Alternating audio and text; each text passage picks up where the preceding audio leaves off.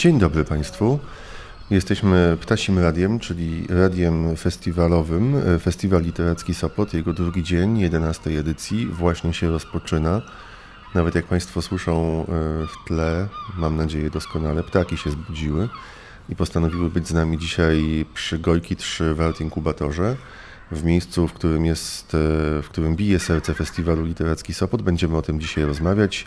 Do 12 dzisiaj zapraszam ja, Michał Nogaś. Wczoraj była z Państwem Agnieszka Obszańska, jutro Łukasz Wojtusik, a potem dwie wspaniałe i szalone kobiety, Natalia Szostak i Justyna Suchecka. Zapraszamy do słuchania festiwalowego radia z Sopotu na całym świecie.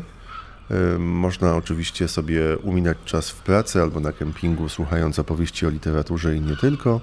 A ponieważ edycja festiwalu w tym roku jest irlandzka, to muzyka w znacznej części i mierze także będzie dzisiaj do 12 E, tą, która pochodzi z Zielonej Wyspy. Na początek utwór bardzo optymistyczny. Do południa Ptasie Radio z Festiwalu Literacki Sopot e, z Art Inkubatora Przygojki 3 w Sopocie. Będą Państwo słyszeli w tle nie tylko mewy i inne gatunki ptaków, ale także przejeżdżające nieopodal pociągi. Jak będzie takie ziu, to znaczy, że przejechało pendolino, a jak będzie takie bardziej stonowane, to znaczy, że jedzie na przykład e, kolejka, która łączy mm, miasta e, z całej okolicy, nie tylko Trójmiasta, ale także Wejherowo na przykład. E, no i chcę teraz e, dokonać prezentacji tego, co się wydarzy do 12 w Klasim Radiu, o czym będziemy dzisiaj rozmawiać. Już za kilka minut o 11 edycji festiwalu, jak została wymyślona i co się tutaj dzieje i dziać będzie do niedzieli. Będziemy także spoglądali w przyszłość, czyli powiemy o tym, że za rok e, e, literacki Sopot będzie bardzo uważnie przyglądał się literaturze niemieckojęzycznej. Co to może oznaczać? Proszę być z nami.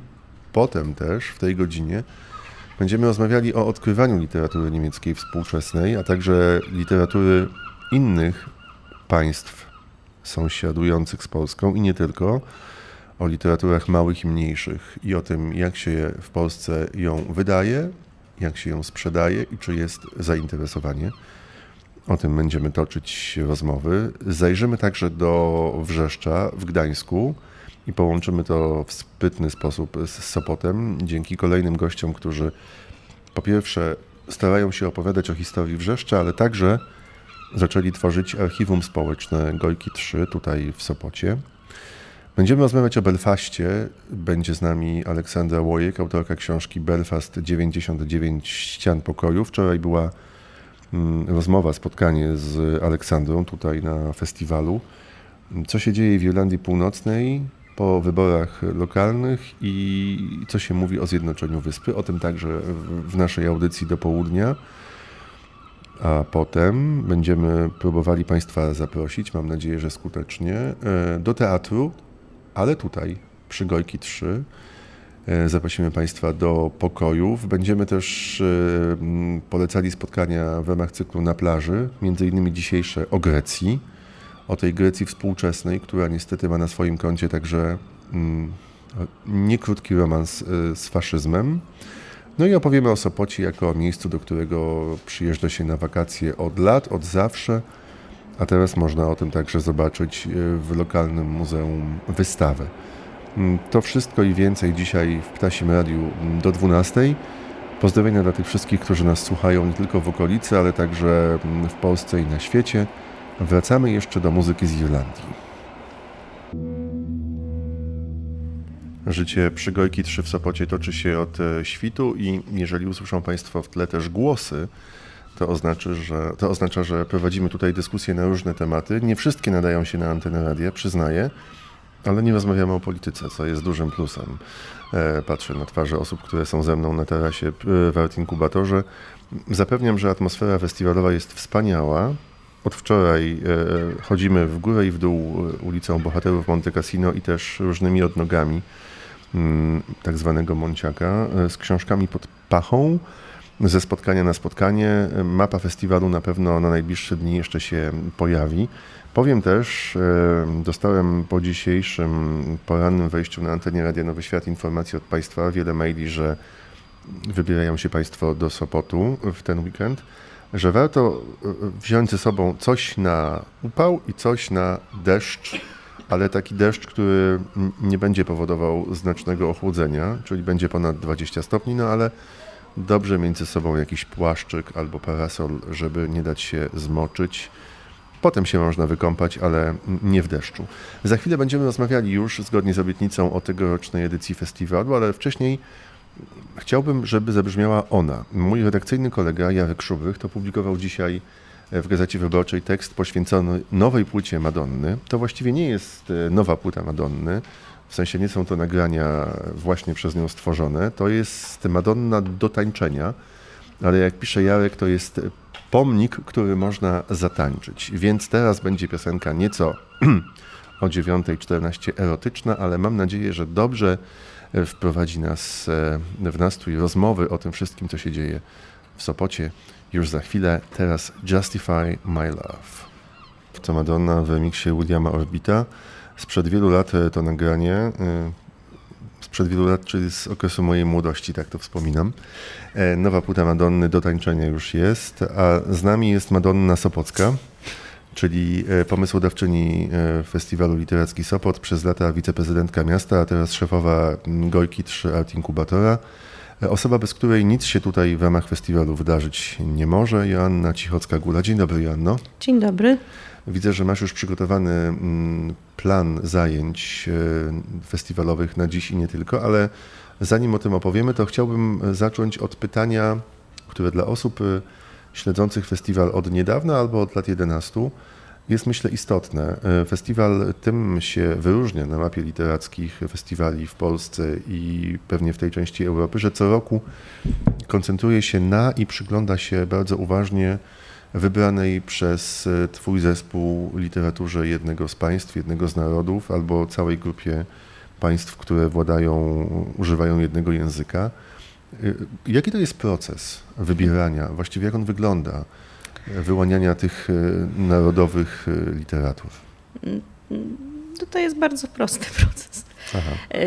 W tym roku na przykład. Tak, a, nie, nie, no, mapę, nie. No właśnie, my nie, nie, pokazujemy palcem na globusie, jaki kraj będzie gościem. Na globusie Polski oczywiście. Czy, czytamy, no właśnie, czytamy książki, zastanawiamy się przede wszystkim, jakie książki są w Polsce tłumaczone na język polski, bo to jest bardzo ważne, żeby słuchacze mogli, y, czy odbiorcy po tym festiwalu y, poznać te książki, zanim się ukażą. Oczywiście na festiwalu są też premiery, które w pewnym sensie też y, prowokujemy, rozmawiając z wydawnictwami, które już są z nami zaprzyjaźnione po 11 latach. E, co do krajów, to myślę, że do pewnego momentu to było tak, że jakaś intuicja podpowiadała e, nam, e, co się może w danym kraju wydarzyć, co będzie inspirujące, co będzie bazą do jakiejś rozmowy. No i tak było do pewnego momentu, bo kiedy zaczęły być problemy z COVID-em, potem wojna w Ukrainie, to cała rzecz się skomplikowała, bo zaczęliśmy się zastanawiać, co jest ważne w festiwalu literackim. My sięgamy po tematy związane ze sprawami społecznymi, z polityką nie wprost, bo to, to w ogóle nie jest ta bajka, ale jednak chcemy być bardzo takim żywym e, festiwalem, który, e, który reaguje na to, co się dzieje. No i jeśli chodzi o Irlandię, no to yy, Irlandia jest krajem bliskim Polakom, ale często wizja Irlandii, jaką mamy w Polsce, to jest, e, to jest wizja e, nieprawdziwa, oparta na jakichś przekonaniach, na stereotypach, e, na, na, na takiej wiedzy, że wielu Polaków wyjechało do Irlandii, że tam pracuje i mieszka. No ale wtedy zaczęłyśmy sobie uświadamiać, jak genialną literaturę ma Irlandia, ale też jak wspaniałą ma historię literacką Irlandia. E, wszystkie wielkie nazwiska, takie jak, e, jak Beckett, e, Oscar Wilde, James Joyce, Jonathan Swift, to nam się ułożyło w taką wspaniałą mozaikę i pomyślałyśmy, że zarówno historia, jak i współczesność literatury irlandzkiej to jest temat, który może bardzo zainteresować polskich czytelników. No i do tego potem po rozmowach już w Dublinie z osobami zajmującymi się tłumaczeniem literatury irlandzkiej, odpowiedzialnymi za rozwój literatury, uświadomiłyśmy sobie też, z jak wielkim problemem się spotyka irlandzka literatura w odbiorze i jak wielu jej autorów jest uznawanych za Brytyjczyków. Mhm. No i to nam się jeszcze bardziej złożyło, że my musimy w jakiś sposób pokazać w Polsce y, siłę tej literatury i pokazać, to są Irlandczycy. Tylko dodajmy jeszcze y, do słów Joanny bardzo istotny element, to znaczy po pierwsze przez bardzo długi czas Irlandia była pod panowaniem brytyjskim. Mm, wczoraj miałem okazję rozmawiać e, z dwiema pisarkami, które tutaj są, czyli Lucy Caldwell i Emma McBride i one mówiły też o tym, e, co łączy mentalność Polaków i Irlandczyków. To znaczy, że to różnie na to można patrzeć, ale jednak są to społeczeństwa postkolonialne. My byliśmy krajem rozebranym przez trzy mocarstwa, oni byli krajem pod panowaniem silniejszego sąsiada. I w przypadku Irlandii na przykład do dzisiaj to wygląda tak, że bardzo wielu Irlandczyków wyjeżdżało w młodym wieku do Londynu, bo tam było centrum cywilizacji ichniejszej. No i tam zaczynali robić karierę i gdzieś ta świadomość tego, że są to Irlandki czy Irlandczycy właśnie się zacierała. Zacierała się, ale w tej chwili to, e, to przekonanie o nierozpoznawalności jest silne. Myślę, że e, mówimy też o dwóch Irlandiach, mhm. bo przecież na festiwalu mówimy i o Irlandii Północnej, i Republice Irlandii. Ta sytuacja jest trochę różna, prawda? Trochę inna. E, myślę, że Irlandia, Republika Irlandii sobie radzi lepiej. Z, z, no wiadomo dlaczego. No.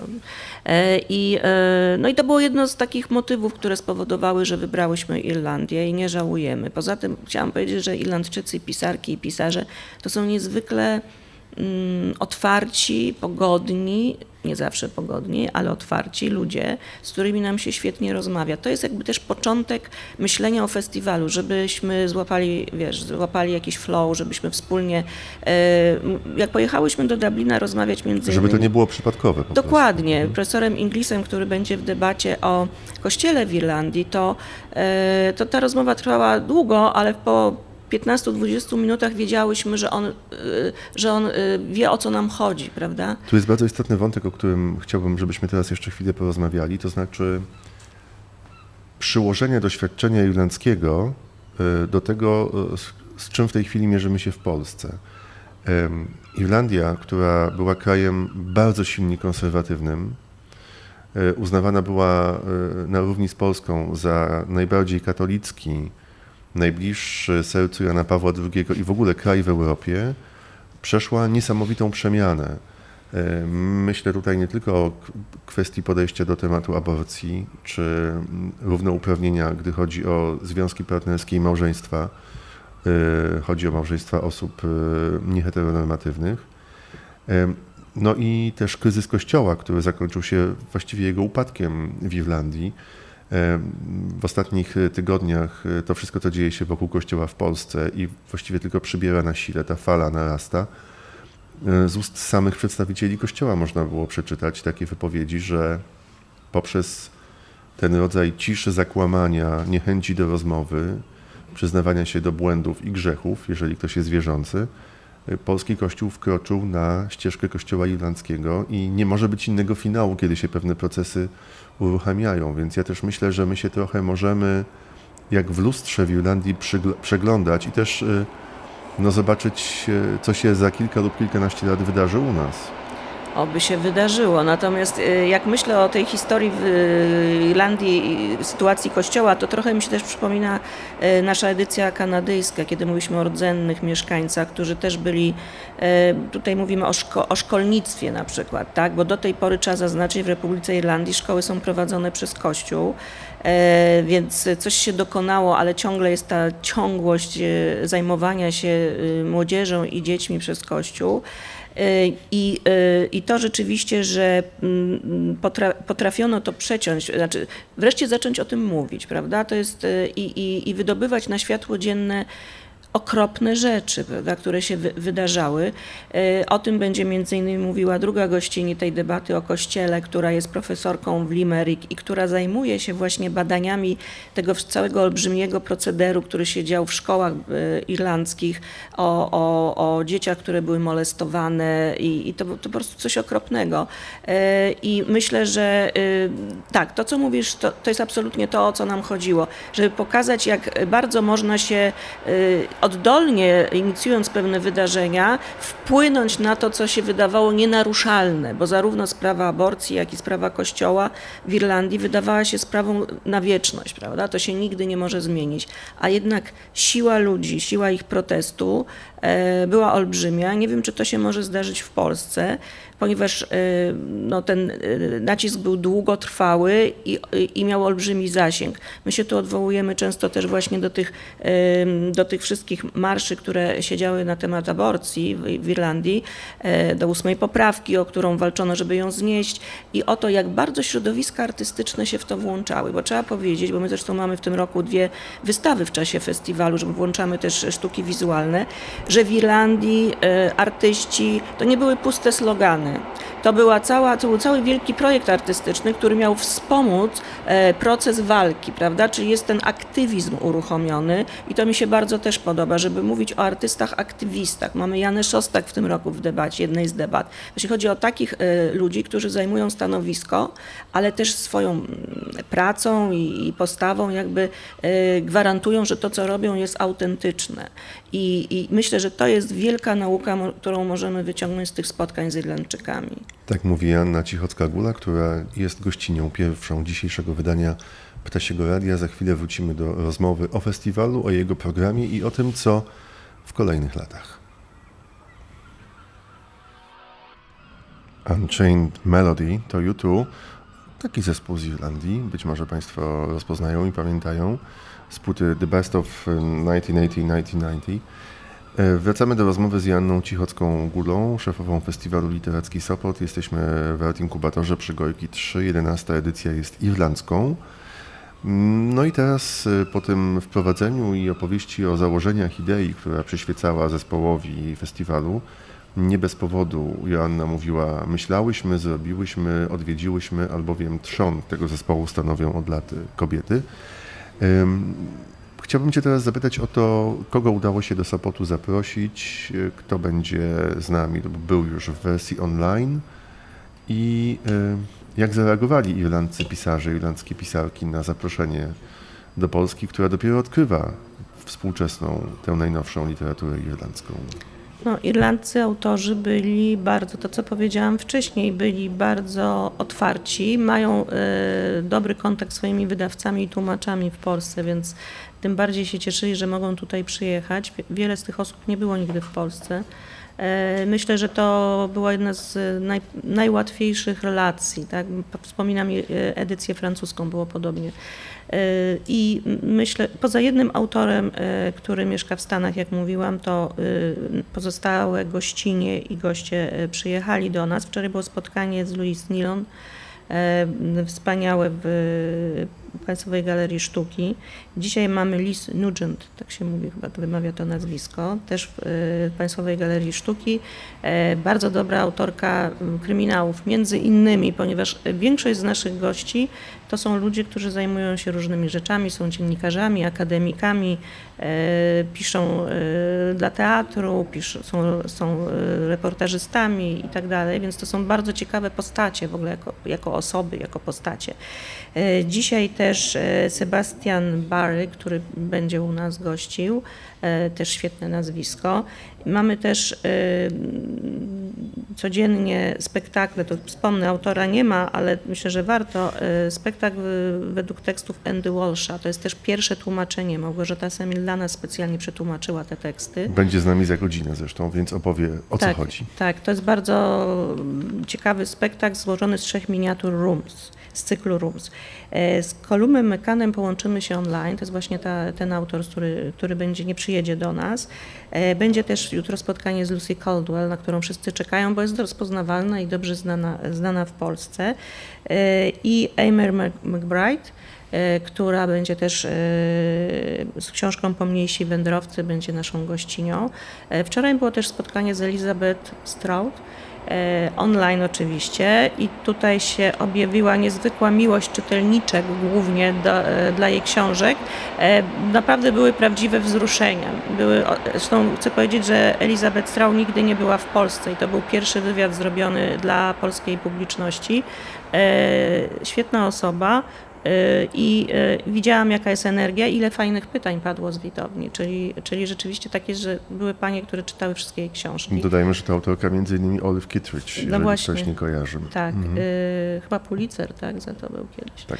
E, więc myślę, że, że niezależnie, no to jest taka jedyna autorka spoza tego irlandzkiego kręgu, no ale też mamy debaty, w których biorą udział Irlandczycy oczywiście, e, głównie profesura mhm. i będzie też e, profesor Morasz, który był przez wiele lat rektorem Trinity College w Dublinie. On będzie w debacie o Dorianie Greyu. Bardzo ciekawej uważam. No i te dwie debaty o kościele w Irlandii, druga o cielesności, ciele, prawie do własnego ciała, gdzie będzie obecna e, jedna z pań głównych inicjatorek referendum aborcyjnego i właśnie Emily Pine, pisarka, która też będzie u nas, oraz Jana Szostak, o której wspominałam. Także myślę, że będzie bardzo duża reprezentacja irlandzkich autorów i badaczy i naukowców. Do tego dołóżmy jeszcze, że gościem festiwalu będzie m.in.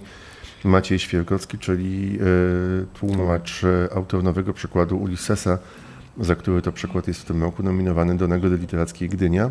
Mm, pełna e, reprezentacja programu jest na stronie literackiesapot.pl. Tam można wejść i sprawdzić to, co się wydarzy dzisiaj, w sobotę i w niedzielę.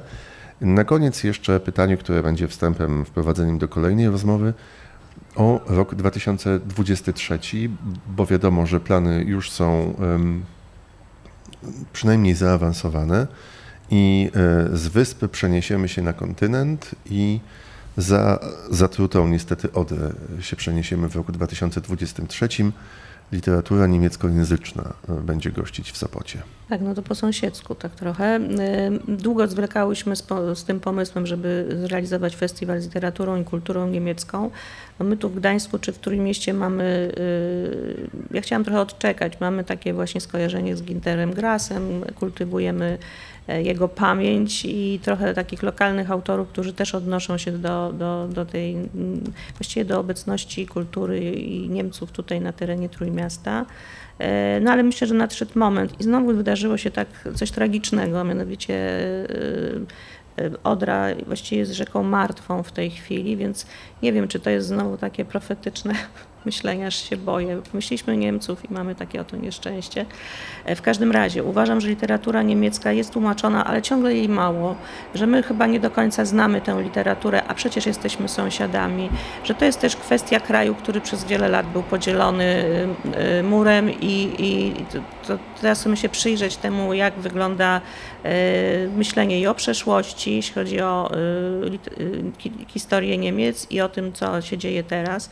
No i myślę, że też będziemy chcieli trochę więcej powiedzieć o wolnym mieście Gdańsku, mhm. albowiem z tego co wiem w Polsce niewiele osób jakby ma świadomość, że taki twór istniał, no i na czym on tak naprawdę polegał. Odniesiemy się też do książek, które na przestrzeni ostatnich lat powstały na temat poniemieckich po niemieckie najprościej terenów, czyli Dolny Śląsk, czy Śląsk, który nigdy nie był niemiecki, albo był przejściowo, albo był po sąsiedzku, Warmia i Mazury. Także myślę, że będzie dużo takich wątków, które znowu połączą Niemcy i Polskę i to będzie raczej takie dobre połączenie. To y, w Sopocie, na literackim Sopocie w roku 2023, a teraz mamy rok 2022. 11 edycja jest irlandzką. Zapraszamy. Szczegóły przypomnę literackisopot.pl, czyli ta strona, na której, dzięki której mogą Państwo słuchać Ptasiego Radia. Joanna Cichocka-Gula była z nami. Dziękuję Ci bardzo. Dziękuję. A teraz będzie piosenka po polsku o sierpniu roku 2022. Tak brzmi sierpień 2022 roku, przynajmniej widziany i słyszany i śpiewany przez Jakuba Skorupę i Marcelinę. Mm, mówiliśmy o tym przed chwilą w Ptasim Radiu nadawanym dzisiaj z Sopotu, z Gojki 3 Art Inkubatora, no bo nie byłoby tego radia, gdyby nie Festiwal Literacki Sopot, że za rok będzie tutaj edycja niemiecka, więc teraz chciałbym, byśmy się przez chwilę, mimo że słońce w nas uderza, znaleźli się w sztucznym świetle. I nie tylko. Jest z nami szef wydawnictwa Marpres, działającego na Pomorzu, tutaj w Trójmieście, Fabian Cieślik. Dzień dobry. Dzień dobry. Germanista z wykształcenia? A nie, nie. Czy z zamiłowania? Ślązak z pochodzenia. A, czyli to poszło tą ścieżką. Myślałem, że po prostu jesteś tak bardzo zapatrzony w to, co się dzieje za Odrą i Nysą Łużycką w świecie literatury, że to jakiś rodzaj edukacji. Mm, myślę, że to ta znajomość niemieckiego akurat w tym przypadku pomaga. Mhm. E, śledzić to, co się dzieje na rynku niemieckim. Właściwie od, odkąd, no, odkąd poznałem niemiecki trochę szerzej niż w rozmowach z dziadkami. I to no jest, e, akurat w przypadku działalności naszego wydawnictwa, no pomaga, zdecydowanie pomaga, bo języki, e, których dotykamy w naszej serii Bałtyk, no z tych wszystkich języków właściwie znam tylko jeden, niemiecki, no i rosyjski, którego już zapomniałem. Teraz się zestresowałem, że tak powiedziałem, że germanista, to kim jesteś z wykształcenia, Fabian, żeby już to... Kończę Politechnikę Wrocławską wiele lat temu. A, ale przy okazji... pan inżynier, który jest e, szefem wydawnictwa. Tak? Ale też Sopocką uczelnię SWPS, wtedy jeszcze obecny A, uniwersytet. Tak. Okej, okay, no dobrze, czyli mamy tutaj połączenie tego, co ścisłe z tym, co humanistyczne. Dokładnie tak. Wspaniale. No niestety mój umysł idzie bardziej w stronę e, humanistyczną, więc zazdroszczę tych e, zdolności e, ścisłych. Powiedziałem o w sztucznym świetle nie bez powodu, bo to jest tytuł powieści, która ukazała się w waszym wydawnictwie mm, i z której autorką będzie się można spotkać tutaj w Sopocie w ramach właśnie zapowiedzi przyszłorocznej edycji literackiego Sopotu. Gdybyśmy więc mogli ten e, czas naszego spotkania też trochę wykorzystać na opowieść o, o niej i o tym, o czym jest ta książka, by nasze słuchaczki, nasi słuchacze być może sięgnęli. Ach, trudno zacząć. Ale była to pierwsza powieść, która z wielu propozycji, które trafiały do mnie od e, naprawdę wielu tłumaczy, tłumaczek, która zwróciła moją i redakcji uwagę bo dodam, że wybór książek do, e, do planu wydawniczego robimy, próbujemy robić kolegialnie, raczej to e, w ten, ten, tym trybem pracujemy. Była to pierwsza książka, która właściwie nas wszystkich zachwyciła e, z tej propozycji niemieckich, która była oderwana od przeszłości, była oderwana od, od tego bagażu Auschwitz, powiedzmy w wielkim skrócie i która mm, pokazywała te współczesne Niemcy, y, współczesne społeczeństwo i te problemy, które teraz nurtują e, społeczeństwo, które się okazały podczas lektury książki y, no, aktualnymi problemami również u nas w kraju. Jest to powieść. No wczoraj Przemek Staroń wypuścił recenzję tej, tej, tej powieści u siebie na, na blogu i on użył takiego, użył takiego sformułowania, jakbyśmy słuchali dobrej przyjaciółki, o tym, jak opowiada o swoim życiu, o tym, o swoim wykluczeniu, o tym mikroprzemocy, której doświadczała właśnie całą swoją edukację, e, to, to życie e, szkolne od pierwszych lat po, po, całe, po, po koniec studiów. I śledzimy e, bohaterkę, jej relacje z rodziną, z przyjaciółmi, z rówieśnikami, z nauczycielami. I i właśnie razem z nią doświadczamy tej, e, tej mikroprzemocy, tego takiego właściwie czasami już prawie podprogowego mm, pytania, a ty nie jesteś stąd? A... No właśnie, co było powodem, powodem wykluczenia? Powodem wykluczenia właściwie jest ich kilka w powieści, bo bohaterka, zresztą e, pada to oczywiście e, w pewnym momencie wyjaśnienie, jest potomkinią, właśnie córką mieszanego małżeństwa. Matka pochodzi z Turcji, z biednej, ubogiej wsi tureckiej na, na głębokiej prowincji, e, a ojciec jest robotnikiem e, w zakładach chemicznych gdzieś w jakimś anonimowym, przemysłowym mieście. I, i to już mamy dwa wykluczenia, tak? Mhm. Czyli to robotnicze Czyli pochodzenie klasowe tak? i rasowe.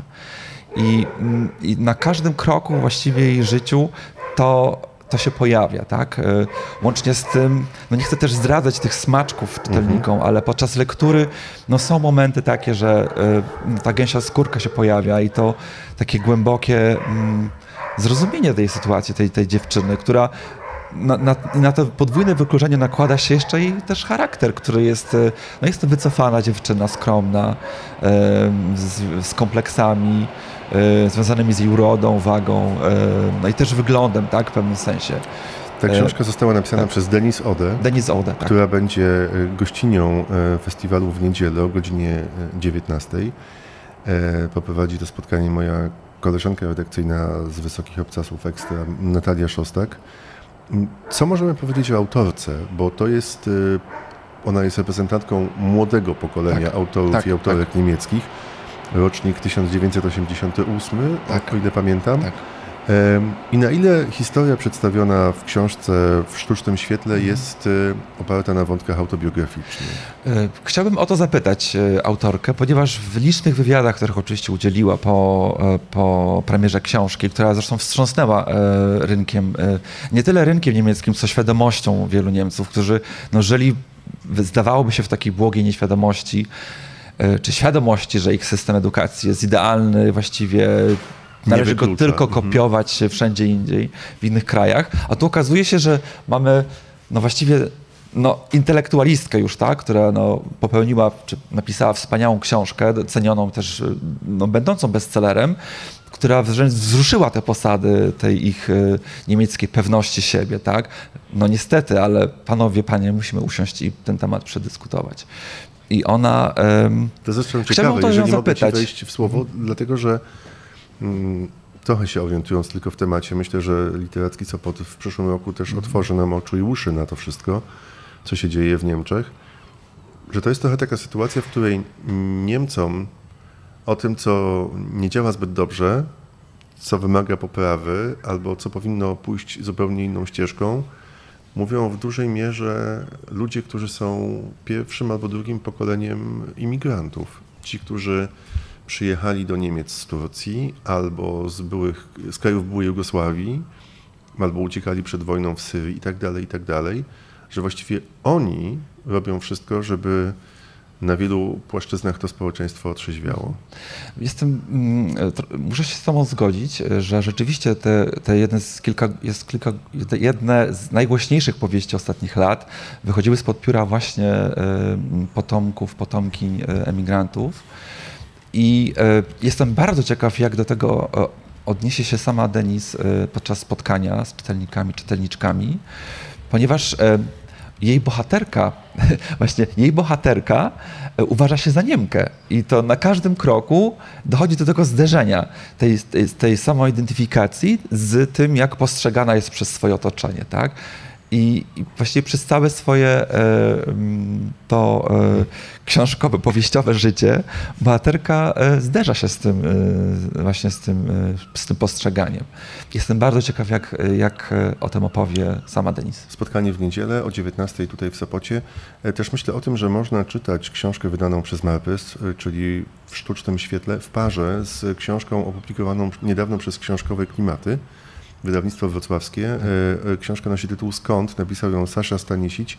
Tak. Właśnie e, człowiek, którego rodzina mm, no, uciekała z Bałkanów w czasie mm, wojny w byłej Jugosławii i że to buduje w naszych oczach zupełnie inny obraz Niemiec i Niemców od tego, który mamy wtłaczany do głów chociażby przez przedstawicieli partii rządzącej która się opiera, jak wiemy, na stereotypach i resentymentach.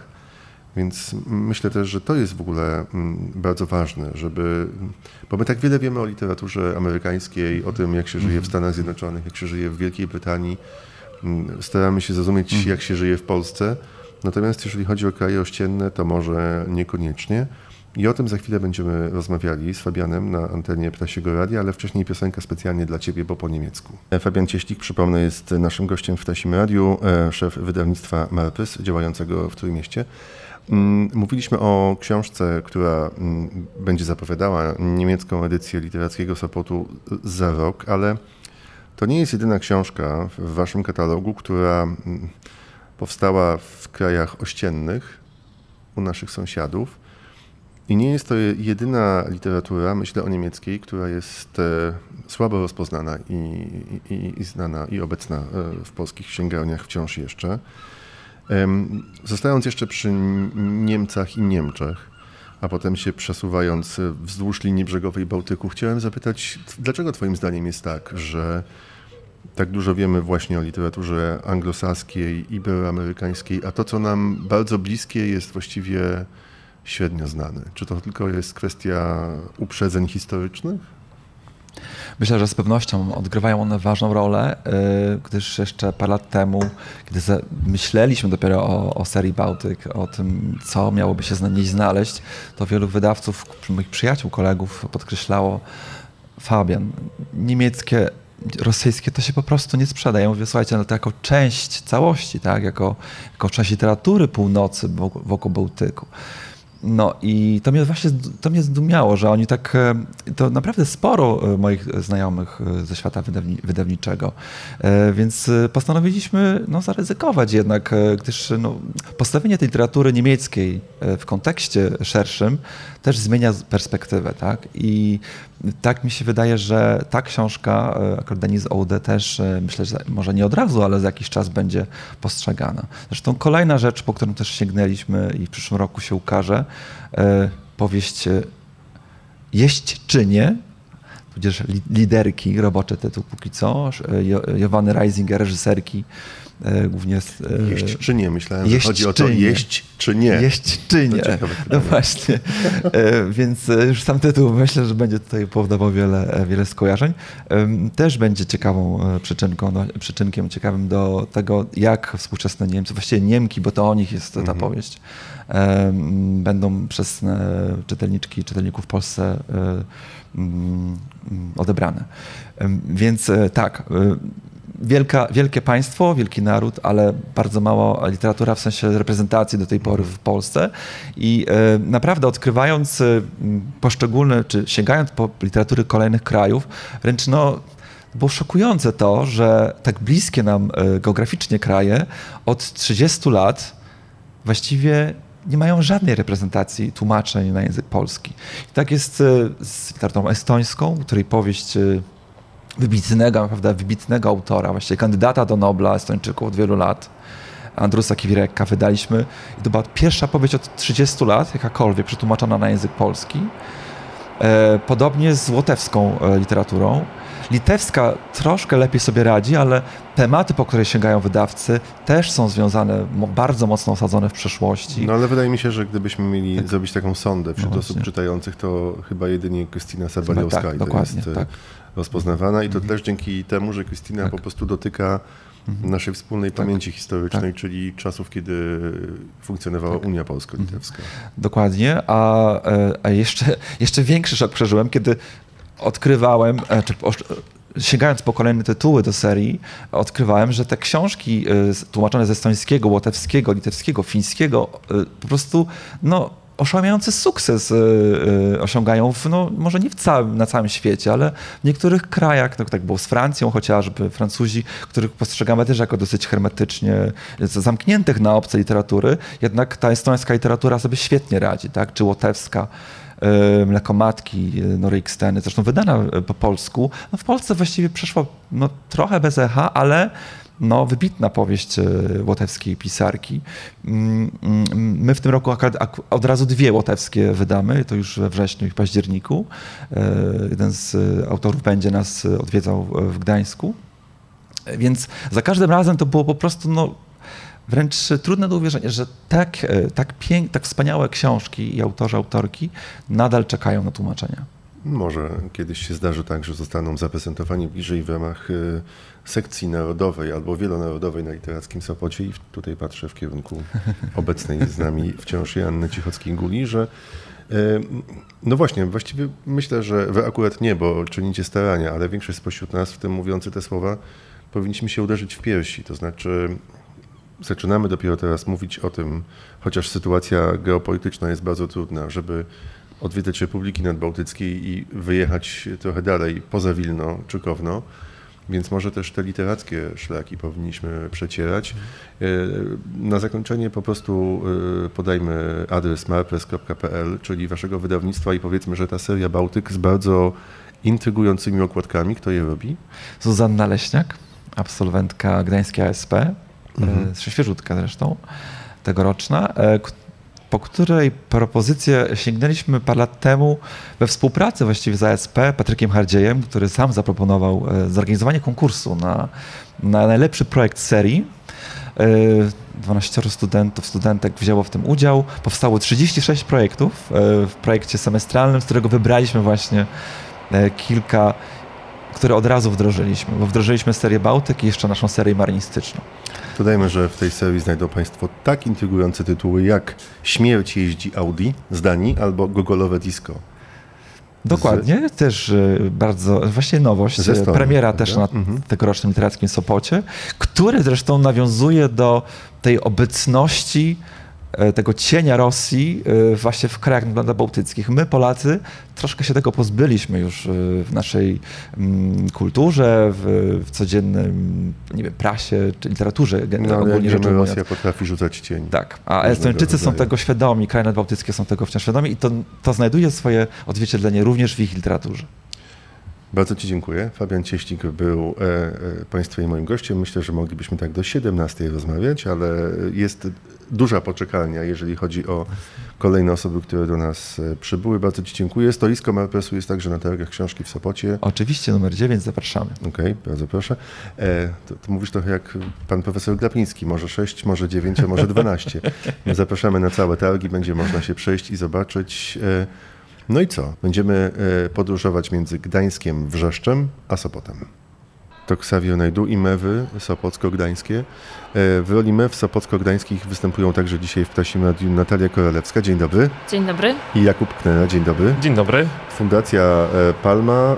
Osoby, które, osoby autorskie, gdy chodzi o przewodnik architektoniczny po Wrzeszczu, o którym Jakiś czas temu mogli Państwo przeczytać na łamach Gazety Wyborczej, ale myślę, że to jest dobry powód, y, festiwal i nasza tutaj wizyta, żeby do tematu wrócić, zwłaszcza, że Wy nie ograniczacie się tylko do bliskiego Wam Wrzeszcza, ale także to miejsce w Sopocie, Art Incubator Gorki 3 także jest y, miejscem Waszego zainteresowania, ale wróćmy do Wrzeszcza. Właściwie tak sobie myślałem ostatnio, ile osób jadąc na przykład pociągiem Pendolino z Warszawy do Trójmiasta, wysiadło kiedykolwiek z ciekawości we Wrzeszczu, żeby zobaczyć, co się kryje poza nazwą tej stacji. E, I ile osób ma w ogóle świadomość tego, jakim Wrzeszcz jest wyjątkowym miejscem na mapie Trójmiasta? Skąd się wzięła w Was ta potrzeba przybliżenia całej Polsce wiedzy na temat przeszłości, historii i architektury Wrzeszcza? Natalia? Mogę, mhm. To może powiem tak y, przewrotnie. Jeżeli myślimy o Gdańsku, znaczy ostatnio nasza znajoma zapytała nas jakiego e, słowa nadużywamy, jeżeli chodzi o Gdańsk. Ja powiedziałam historia. I ta historia w Gdańsku to jest historia przez duże H. To jest historia Solidarności, to jest historia e, II wojny światowej i odbudowy Gdańska. Natomiast historia Wrzeszcza jest e, historią bliżej ludzi, jest historią osób, które tam mieszkały albo które tam mieszkają jest równie ważna, jest y, jakby taką y, dziedziną, która jest bardzo blisko człowieka i z której możemy się wiele nauczyć i z tym też mocno wiąże się architektura, czyli domy, budynki użyteczności publicznej, w których przebywamy, do których chodzimy, w których spędzamy czas. A wy jesteście z Wrzeszcza? Tak. Tak, jesteśmy z Wrzeszcza, ale też odnośnie tego twojego pytania, wydaje mi się, że mm, Gdańsk ma taką specyficzną, czy w ogóle Trójmiasto taką specyficzną linearną budowę w przeciwieństwie na przykład do mm, Warszawy, Wrocławia czy Krakowa. W tych innych miastach wszystko jest tak jakby obok siebie, więc to, że przemieszczasz się między dzielnicami, yy, na przykład no dla mnie to, że o Warszawie często się mówi dzielnicami, to jest oczywistość od od wielu, wielu lat. O Gdańsku jednak zawsze się mówi Gdańsk, Gdańsk, Gdańsk. I w pewnym momencie jakby ludzie tak i świadomościowo, i trochę spacerowo, geograficznie zaczęli wychodzić poza te centra, czy to jest Wrzeszcz, czy to jest Oliwa, e, Orunia, Biskupia Górka, czy nawet takie nowsze e, osiedla jak Zaspa czy Przymorze. E, i zaczęli odkrywać, że te miasta nie są takimi tylko dodatkami do centrum, czyli do ulicy Długiej, Żurawia, Neptuna, Długiego Pobrzeża, tylko, że tam w jakichś zakamarkach nowszych czy starszych y, można i pójść na jakiś fajny spacer y, i trafić teraz coraz częściej do jakiejś ciekawej kawiarni, ale przede wszystkim y, w jakichś zaułkach trafić na historię, czy tak jak powiedziała Natalia, przez pryzmat architektury, no czy myślę, że też bardzo często przez pryzmat literatury, właśnie czytając jakąś książkę i później idąc szlakiem bohaterów książki. Gdybyście mieli jednym słowem określić klimat Wrzeszcza, to jakie to by było słowo? tajemniczy albo niewyczerpany. Mhm. Ja sobie tak myślę z tej mojej perspektywy, bo mm, no, mam świadomość, że my już bardzo wiele miejsc przechodziliśmy 100 razy. Przykładowo Park Jaśkowej Doliny, który w pandemii przeszliśmy wzdłuż i wszerz bardzo wiele razy, ale w zasadzie bardzo często wystarczy tak naprawdę daną ścieżkę przejść w, odwrot, w odwrotną stronę, albo przejść na drugą stronę ulicy, albo trafić na jakiś e, zakamarek i, i tam zawsze coś się może wydarzyć. Ostatnio nasz znajomy y, użył takiego określenia, y, no, które pasuje i do Gdańska, i w zasadzie do Wrzeszcza też, że y, Wrzeszcz się nie kończy, czyli tak naprawdę można iść jeszcze dalej i dalej i zawsze coś, coś się znajdzie. Tajemniczy.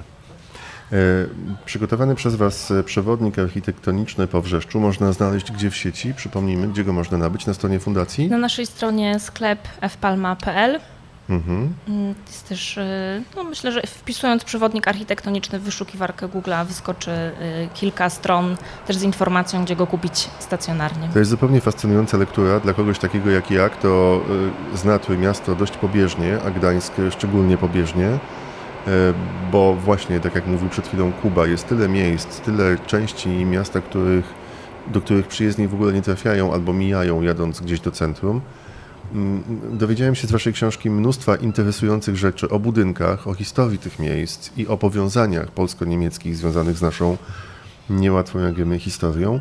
Nie będziemy teraz opowiadać w czasie naszego spotkania e, całej zawartości przewodnika, ale gdybyście na przykład zostali zapytani, tak wybudzeni w nocy, teraz e, patrzę na Natalię, e, i zapytani, od jakiego budynku we Wrzeszczu warto by było zacząć podróż, żeby być osobą zaciekawioną, ale też no, na, na początku tego całego wprowadzenia w historię tej części Gdańska. Co jest takim, nie wiem, emblematem, symbolem, rzeczą, budynkiem, obok którego nie można przejść obojętnie? To ja chyba bym powiedziała o dwóch miejscach, e, które pokazują, jak ta dzielnica jest bardzo różnorodna. Z jednej strony to jest Jaśkowa Dolina, e, która, której zabudowania to są e, wille z przełomu XIX i XX wieku, niesamowite, niesamowite takie wręcz bajkowe e, obiekty zamieszkiwane niegdyś przez bogatych Gdańszczan, a z drugiej strony bardzo blisko położony e, dworca Krystal, e, znane miejsce na rozrywkowej e, i kulturalnej mapie, chyba wydaje mi się też Polski. Mhm. Bywali tam no, nie tylko z, z różni politycy, no, ale odbywały się też koncerty, został tam zawiązany zespół Czerwone Gitary. Jest to obiekt y, modernistyczny. Pozdrawiam cię, mamo. Jest to obiekt Byłem kiedyś z mamą na koncercie Czerwonych Gitar. To było niesamowite wrażenie i doznanie. No i właśnie wydaje mi się, że, że, te, że jakby y, z jednej strony ulica, a z drugiej strony ten obiekt modernistyczny pokazują, jak e, bardzo Wrzeszcz jest różnorodna architektonicznie i pokazują też, że i jest dużo obiektów przedwojennych, co wcale nie jest takie oczywiste, jeżeli chodzi o Gdańsk. I jest też trochę obiektów modernistycznych, które są wciąż, wydaje mi się, nie dość doceniane e, przez nas e, i są zmieniane albo traktujemy jak takie brzydkie kaczątka, a wydaje mi się, że że są bardzo wartościową architekturą. A ty, Kuba? E, no ja właśnie też myślę kontrastami, bo jak zadałeś to pytanie, to od razu mi się wysypała cała lista i musiałem, musiałem powybierać, ale najciekawsze w Wrzeszczu właśnie jest ten kontrast y, taki pozornie nowego i starego, mm. Czyli z jednej strony gmach Politechniki Gdańskiej, który w zasadzie jest 100 metrów od głównej y, arterii trójmiejskiej, a jest tak ukryty e, wśród drzew, e, czyli wielki gmach, który w zasadzie wygląda trochę jak pałac, a który w okresie wilhelmińskiego Gdańska tak naprawdę był wzorcem dla innych tego typu obiektów w Prusach, czyli najpierw powstał w Gdańsku, później, e, później był powielany dalej, dalej w przyszłych Niemczech. No i też ma ciekawą historię, ponieważ jego projektant y, żydowskiego pochodzenia był bardzo uznaną postacią w Gdańsku, a jak wiadomo potem w latach 40. niestety musiał stąd wyjechać. E, a z kolei drugi budynek e, powojenny, który wydaje mi się, że jest takim symbolem e, tego wrzeszcza no, z lat 70., 80., czyli dolarowiec, czyli tak naprawdę budynek mieszkalny w centrum Wrzeszcza, który mm, kilka lat temu został trochę od, odremontowany, ma biało-niebieskie balkony, bardzo dużo historii. No i jest taki trochę, on z kolei, tak jak Natalia powiedziała, przypomina o tej architekturze modernistycznej, powojennej, trochę zaniedbanej, trochę zapomnianej, a wartej i dbania o nią i o niej pamiętania. Dodajmy, że w przewodniku, który stworzyliście, są też grafiki, które pokazują, jak te budynki wyglądały lub wyglądają, więc można e, z książką pod pachą podróżować. No i teraz jest takie pytanie, myślę, e, bardzo praktyczne. Mm, patrzę teraz w stronę obecnej na tarasie Gorki 3 mojej koleżanki redakcyjnej Małgosi Muraszko, która jest e, no, wśród wielu jej zalet i niesamowitych cech jest także to, że jest szanowaną recenzentką kulinarną trójmiejską i wędruje przez po, po całej okolicy i, i sprawdza, gdzie warto pójść zjeść, a gdzie może niekoniecznie. Gdybyśmy teraz na przykład e, wpadli na taki pomysł z bliską sobie osobą albo grupą przyjaciół, żeby przyjechać na tydzień na wakacje do Wrzeszcza, to czy poza tą e, warstwą e, stricte, stricte historyczną, prawda? Myślę o pamięci miejsca, o atmosferze, którą znają pewnie czytelnicy powieści Gintera Grasa, który właśnie jest stąd, stamtąd. To czy to jest taka część Trójmiasta Gdańska, gdzie można się zaszyć na tydzień? To znaczy pytam teraz o życie kulturalne, o restauracje, kawiarnie, o to, czy to jest dzielnica tętniąca życiem i atrakcyjna dla przedstawicieli młodszego pokolenia. Tak. No, właśnie to jest budująca, tak, budująca odpowiedź. Mhm. Tak, jest i to się właśnie y, z, częściowo zmienia i rozwija w ciągu ostatnich kilku lat, no bo z jednej strony na granicy tak naprawdę Wrzeszcza jest y, Opera Bałtycka, jest Teatr Miniatura, jest Klub Żak, jest otwarty no już kilka lat temu Stary Manesz, to, co, co jest właśnie ciekawe w budynku, w jednym z budynków dawnego garnizonu odnowionym, e, no tam jest też e, taka część, można powiedzieć, kulinarno-gastronomiczna, artystyczna, jest też księgarnia Sztuka Wyboru. E, no w garnizonie tak, też jest bardzo dużo knajp, wzdłuż ulicy Wajdeloty, która jest taką jakby trochę flagową inwestycją Gdańska pod kątem rewitalizacji, też są różne lokale, więc y, jak najbardziej, to jest, mi się nawet wydaje, że z tym naszym przewodnikiem można sobie wybrać kilka miejsc na spacer, a po drodze zahaczyć y, czy o koncert, czy, czy o kino też, no bo są też dwa, trzy w zasadzie kina, y, więc wydaje nam mi się, że właśnie w ciągu ostatnich lat wreszcie tak się rozwinął kiedyś w latach 70. i 80. ulica Grunwaldzka to była taka przede wszystkim e, mm, ulica handlowa i to nawet ludzie z Gdyni przyjeżdżali właśnie, żeby, żeby tam robić zakupy. A teraz nawet często tak jest, że właśnie albo się idzie na spędzić wieczór w Gdańsku, albo we Wrzeszczu, a właśnie u nas we Wrzeszczu czasem nawet nasz znajomy mówi, no dzisiaj się spotkałem, ale tak bez szaleństw we Wrzeszczu, czyli że nie jedziemy do Gdańska, tylko Wrzeszcz tak naprawdę jest samowystarczalny i można tam... Przepraszam, a dyskonty są, bo Polska jest tanim krajem do życia, jak wiemy ostatnio. To znaczy, czy można też się zaopatrzyć za nieduże pieniądze w jedzenie? Oczywiście, że tak, ale na zachętę też powiem, że Wrzeszcz jest bardzo e, blisko nad morze i jest e, jakby we Wrzeszczu nie ma takich e, turystów, którzy przyjeżdżają specjalnie do Gdańska. Czyli nie idzie się przez Morze Parawanów. Tak, mhm. ale to jest, to, jest, to jest naprawdę, my sobie zdaliśmy sprawę z tego chyba w zeszłym roku, no bo jeśli idziemy na ulicę Wajdeloty, to tam jeśli jest trochę ludzi, to jest typu kilkadziesiąt osób, wszystkie stoliki są zajęte, mamy wrażenie, że jest tłum, ale potem na przykład trafiamy do centrum Gdańska i tam jest naprawdę tak jak w Barcelonie, czyli tak jak my teraz siedzimy, a tak jak ty chodzą ludzie z walizkami i nagle zdajesz sobie, sobie sprawę, że to jest po prostu no, jakiś przesyt turystów, więc uciekamy z powrotem do Wrzeszcza. A teraz uciekniemy z Wrzeszcza i z Gdańska do Sopotu, bo chciałbym, byśmy jeszcze kilka minut ostatnich naszej rozmowy poświęcili temu, co e, Was zajmuje tutaj. Mm, Archiwum Społeczne Gojki 3, e, które tworzycie, jest projektem dla mnie enigmatycznym, przyznam. Dowiedziałem się o tym, że zajmujecie się taką działalnością dzisiaj rano, więc właściwie wszystkie pytania będą być może podstawowe, jeżeli o mnie chodzi, ale wspólnie ze słuchaczkami i słuchaczami możemy się dowiedzieć więcej. Co to w ogóle jest i na czym polega Wasza praca? W zasadzie y, zainteresowanie archiwum społecznego y, zaczęło się we wrzeszczu i chyba tutaj poszło po prostu, y, jakby jest kontynuacją tego, co nas po prostu najbardziej interesuje, czyli jakiej historii możemy się nauczyć od osób, które jej doświadczyły na własnej skórze. I jakby tego dotyczy też archiwum społeczne tutaj na Gojki. W Muzeum Miejsca zrobiliśmy wywiady z osobami, które mieszkały które tutaj przychodziły, jak e, było to jeszcze e, budynek komunalny e, i był może takim miejscem tajemniczym dla osób, które nie miały wejścia do środka. Mm, I jakby relacji, wspomnień właśnie można posłuchać w Muzeum Miejsca na Gojki, na Gojki 3. Jakie to są rozmowy? No właśnie, to jest tak, że my, jeśli w Gdańsku czy we Wrzeszczu interesujemy się dzielnicą czy ulicą, to tutaj to jest jeszcze ciekawsze, bo ten jakby punkt, ten filtr na początku to jest budynek. Czyli z jednej strony, żeby znaleźć osoby, które jakoś z tym miejscem były związane, i z drugiej strony, które mają jakieś ciekawe historie. E, no i tutaj jest tak naprawdę bardzo dużo takich warstw opowieści, bo z jednej strony mamy historię obiektu, który powstał w przedwojennym Sopocie, który zamieszkiwali Niemcy, który miał bardzo złożoną historię. E, z drugiej strony później jest wątek polski powojenny, też jest wątek kaszubski e, i tak naprawdę, mm, tak jak roz, rozmawiałeś chwilę wcześniej z Fabianem z wydawnictwa Marpress, też dochodzi bardzo wiele takich historii bardzo bliskich, obecnych w zasadzie zawsze, e, ale często nie poruszanych jakoś szerzej w Polsce, czy w Gdańsku, czy we Wrzeszczu. Dla mnie na przykład bardzo ciekawą e, historią kaszubską jest taka mhm. śmieszna w zasadzie rzecz, ponieważ kaszubi bardzo charakterystycznie, kiedy rozmawiają, mówią, nie mówią tak, tylko mówią jo. I to jest, ja to kojarzę z dzieciństwa od dawien dawna i to zawsze było takim określeniem, że... Nie chodzi o rap.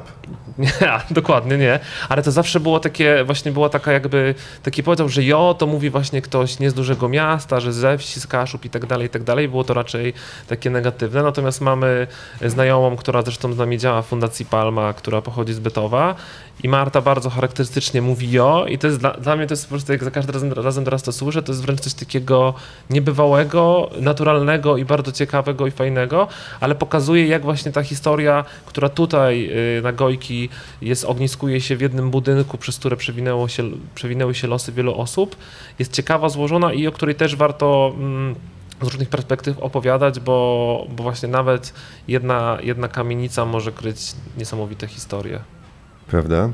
Fundacja Palma, warto ich śledzić, Natalia Korolewska, Jakub Knera e, stworzyli przewodnik architektoniczny po Wrzeszczu, wiedzą wszystko na temat tego, gdzie się zatrzymać, gdzie zjeść, co zrobić, jak uniknąć turystów i e, gdzie nie rozbijać parawanów we Wrzeszczu. No a także zajmują się słuchaniem historii lokalnych, społecznych. To jest bardzo ważne, żeby dotrzeć do, do tych, którzy jeszcze pamiętają i mogą być e, i są świadkiniami świadkami historii, bo dzięki temu buduje się nie tylko wiedza o historii całego kraju, ale także tożsamość miejsca. Więc wielkie dzięki za to, co robicie. Dziękujemy bardzo. Przypomnij jeszcze Natalia, proszę na koniec adres waszej strony.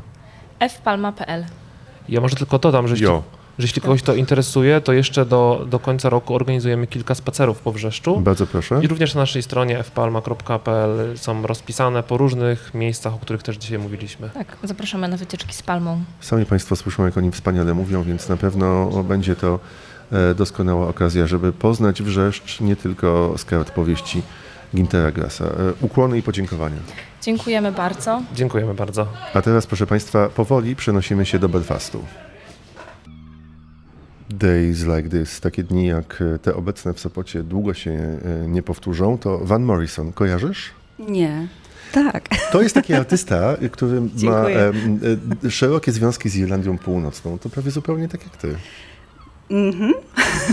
jest tak, myślisz? Tak. Kolejną gościnią Ptasiego Radia jest Aleksandra Łojek, polska reporterka, pisarka mieszkająca od lat 14, dobrze pamiętam, 15 w Belfaście czyli w stolicy Irlandii Północnej. Świetna książka Belfast 99 ścian pokoju doczekała się w roku 2021 wznowienia. Byłaś zaskoczona informacją, że jest tak duże zainteresowanie tematem, o którym piszesz, że będzie nowe wydanie?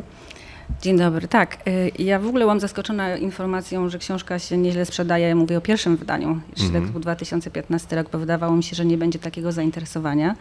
To raz, a dwa, że wydawało mi się, że temat może być y, nawet nie trudny, tylko obcy bardzo. I więc to już mnie zaskoczyło. A co drugie Twoim wydanie zdaniem bardzo. sprawiło, że y, jednak jest zainteresowanie Belfastem i historią Irlandii Północnej w Polsce? Bo to też nie jest taki chyba najbardziej oczywisty kierunek, gdy się mówi o tej współczesnej fali y, migracji y, zarobkowej nie tylko, prawda? Nie jest to oczywisty kierunek, tak. Emigranci są polscy, jest ich sporo, ale to nie jest rzeczywiście takie miejsce, gdzie nie jest to mekka na pewno polskich e, emigrantów. Wydaje mi się, że e, przez wiele, wiele lat mieliśmy taki bardzo romantyczny, jeśli w ogóle, to mieliśmy bardzo romantyczny obraz IRA, organizacji terrorystycznej zwanej Irlandzką Armią Republikańską. I gdzieś ten obraz nam został, jeszcze ten romantyzm walki narodowo-wyzwoleńczej, także w ogóle jeśli coś nas interesowało, to bardziej pod kątem samej organizacji, samej walki, tych bojowników po lasach gdzieś i po górach chodzących i podrzucających bomby. Myślę, że gdzieś tam to mogło zainteresować, natomiast ym, pewnie to nas najbardziej interesuje właśnie. Natomiast okazało się, że mam nadzieję, że dzięki książce wyszły na jaw też zupełnie inne aspekty Belfastu, chociaż związane bezpośrednio z konfliktem, ale bardziej no, i, i z jednej strony ponure i dające nadzieję, a na pewno pokazujące dużo więcej kolorów i szarości tego miejsca. Tu się muszę przyznać e, naszym słuchaczkom i słuchaczom do pewnych prywatnych e, związków z Belfastem i z autorką książki, czy Aleksandrą Łojek. E, Kiedy jeszcze Polskie Radio było nadawcą prawdziwie publicznym, mieliśmy okazję na e, antenie programu trzeciego rozmawiać o Twojej książce. Ty byłaś w studiu BBC w Belfaście. No są takie możliwości techniczne. Ja w Warszawie rozmawialiśmy i pamiętam, że nie tylko rozmowa, ale sama lektura e, to były wypieki na twarzy, gdy o mnie chodzi, ponieważ ja jestem z wykształcenia politologiem i wydawało mi się, że wiem bardzo dużo na temat historii terroryzmu. Mój e, promotor na studiach, e, ja akurat zajmuję się Bałkanami, dużo mnie to e, kosztowało czasu, żeby zrozumieć e, istotę wojny e, w byłej Jugosławii. Ale mój promotor zajmował się właśnie kwestią etnii, etnonacjonalizmu i terroryzmu i mm, IRA, czyli IRA i Irlandia Północna to był jeden z jego tak zwanych koników. I wydawało mi się, że wiem dużo, ale potem zacząłem czytać Twoje teksty no, wynikające z wiedzy, doświadczenia, z po prostu codziennego życia i oczy i uszy mi się otwierały na to, o czym piszesz, a w czerwcu tego roku byliśmy w Belfaście i byłaś naszą przewodniczką, chodziliśmy po mieście, to padało, to świeciło słońce, e, to byliśmy w części e, zamieszkiwanej przez protestantów, gdzie były jeszcze flagi związane z jubileuszem 70-lecia rządów Elżbiety II, a to byliśmy w części katolickiej, gdzie e, przemawiały do nas murale pokazujące bohaterów walki o niepodległość, jak to jest tam e, postrzegane i e, traktowane. No była to niesamowita mieszanka emocji. I muszę powiedzieć, że kiedy jestem po lekturze książki, po lekturze drugiego wydania, po wizycie w Belfaście, o której zawsze marzyłem, e, to z jeszcze większym podziwem myślę o, o tym, jak ty sobie radzisz z emocjami związanymi z życiem codziennym w takim mieście, bo no, to naprawdę nie musi być łatwe i chociaż nie wybuchają bomby od wielu lat, bo w 1998 roku pod- podpisano porozumienie wielkopiątkowe, które gwarantuje utrzymanie kruchego, ale jednak pokoju, no to przecież pamięć miejsca, pamięć e, o tragicznych wydarzeniach, podskórne lęki związane z tym, że jeszcze kilkanaście lat temu można było po prostu zginąć idąc e, jedną z centralnych ulic Belfastu, jest w tych ludziach, którzy są twoimi sąsiadami. Jak ty sobie z tym radzisz? Nie potrafię powiedzieć, że w jakiś świadomy sposób sobie radzę, czy że mam jakieś narzędzia, które pomogłyby mi, wiesz, funkcjonować w tym mieście. Natomiast na pewno w moim indywidualnym przypadku jest to absolutna fascynacja tym miejscem. I nie chcę używać słowa miłość, ale pewnie i miłość do tego miejsca, bo to miejsce jest bardzo złożone i wydaje mi się, że, że to jest trudna miłość przez to. I ci ludzie, którzy tyle przeszli i przechodzą, i te ulice, które mówią, bardzo do mnie trafiają. Ale wiesz, to jestem przekonana, że to jest naprawdę tylko cecha, moja osobnicza cecha, bo zawsze się interesowałam rzeczami i zjawiskami na pograniczu. Też zajmowałam się właśnie terroryzmem, tylko trochę innym, bo islamistycznym. Pasjonowały mnie dżihady, więc ten Belfast jest takim jakby kontynuacją zainteresowań moich z przeszłości i pracy naukowej, bo też zajmowałam się naukowo dżihadem. Ale y, nigdy nie przypuszczałam, że będę rozmawiała z terrorystami albo z ludźmi, którzy z jednej strony mówią, że są terrorystami, a z drugiej strony są oceniani jako bojownicy o wolność, czy odwrotnie. Oni mówią sobie, że są bojownikami o wolność, a, a wolność, a są, a są terrorystami. Prawdopodobnie dla niektórych nigdy nie przypuszczałam, że wejdę to w, tak głęboko i w taki sposób i od spodu. I kiedy zaczęłam wchodzić to tak głęboko w taki sposób i od spodu, zrozumiałam e, coś, co, e, o czym wczoraj też mówiłam. E, zrozumiałam jedną rzecz, że, że, że człowiek jest bardzo złożoną istotą i ta, osoba, ta sama osoba którą, osoba, którą można bardzo lubić, może właśnie mieć tę przeszłość terrorystyczną. I teraz to jest jedyna rzecz, którą się czasami zrzymam, że mhm. jestem w stanie w trakcie rozmów z tymi ludźmi, czy w trakcie zwykłego obcowania, czy w trakcie spotykania się z nimi i z moim synem, zapominać o ich przeszłości, bo żyjemy teraźniejszością i tym, co oni w tej chwili robią. A robią różne rzeczy. Mogą być politykami, mogą sprzątać ulice, mogą pomagać dzieciom z trudnych dzielnic.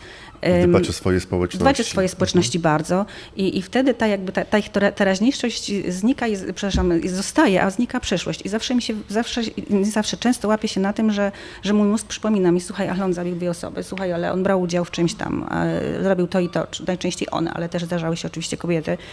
I wtedy łapię się na tym, że nie mam narzędzi, że właściwie najchętniej patrząc od strony takiej, takiej czystej moralności, powinnam się wycofać i pomyśleć sobie, no nie, z kim ja się zadaję, ale nie mogę, bo ci ludzie w tej chwili robią bardzo dużo dobrych rzeczy.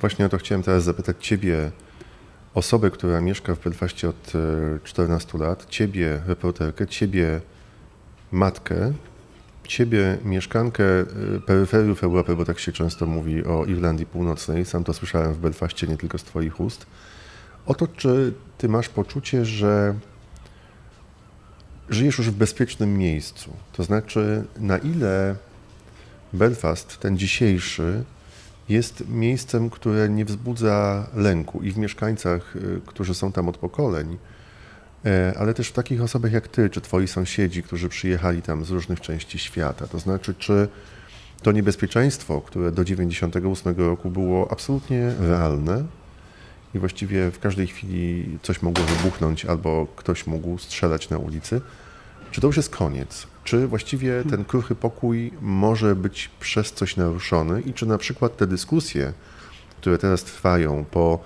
zwycięstwie partii Sinn Féin, e, niewielkim, ale jednak, w wyborach do Parlamentu Północnoirlandzkiego, dyskusje o tym, że kiedyś, prędzej czy później Irlandia się zjednoczy, mogą ten kruchy pokój naruszyć.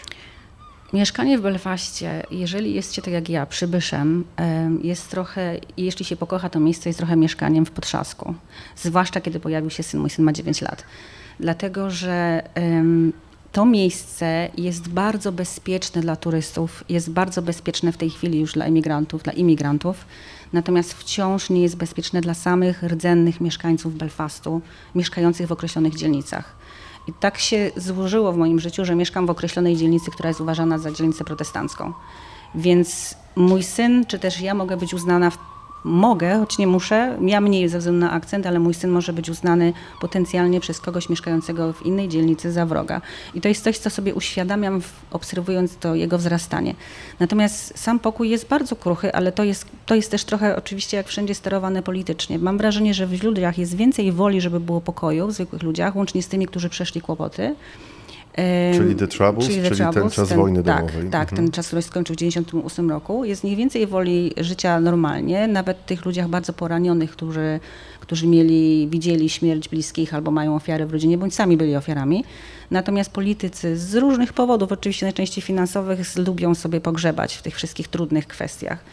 I mm, tutaj będzie, wydaje mi się, że tutaj może ktoś kiedyś dotknąć takiego wrażliwego miejsca z dwóch stron i to się dzieje. Obie partie, czyli DUP i Sinn Féin, obie partie co jakiś czas próbują aktywizować swoich radykalnych wyznawców. A to są partie, które dodajmy na mocy porozumienia wielkopiątkowego muszą się dogadać za każdym razem, żeby w ogóle rząd Irlandii Północnej mógł funkcjonować. I się nie dogadują. Mhm. I ostatnio znowu się nie dogadują, więc y, radykałowie z dwóch stron dochodzą do głosu i to są głosy, jak zwykle głosy radykałów są głośne, ale mogą rzeczywiście być niebezpieczne.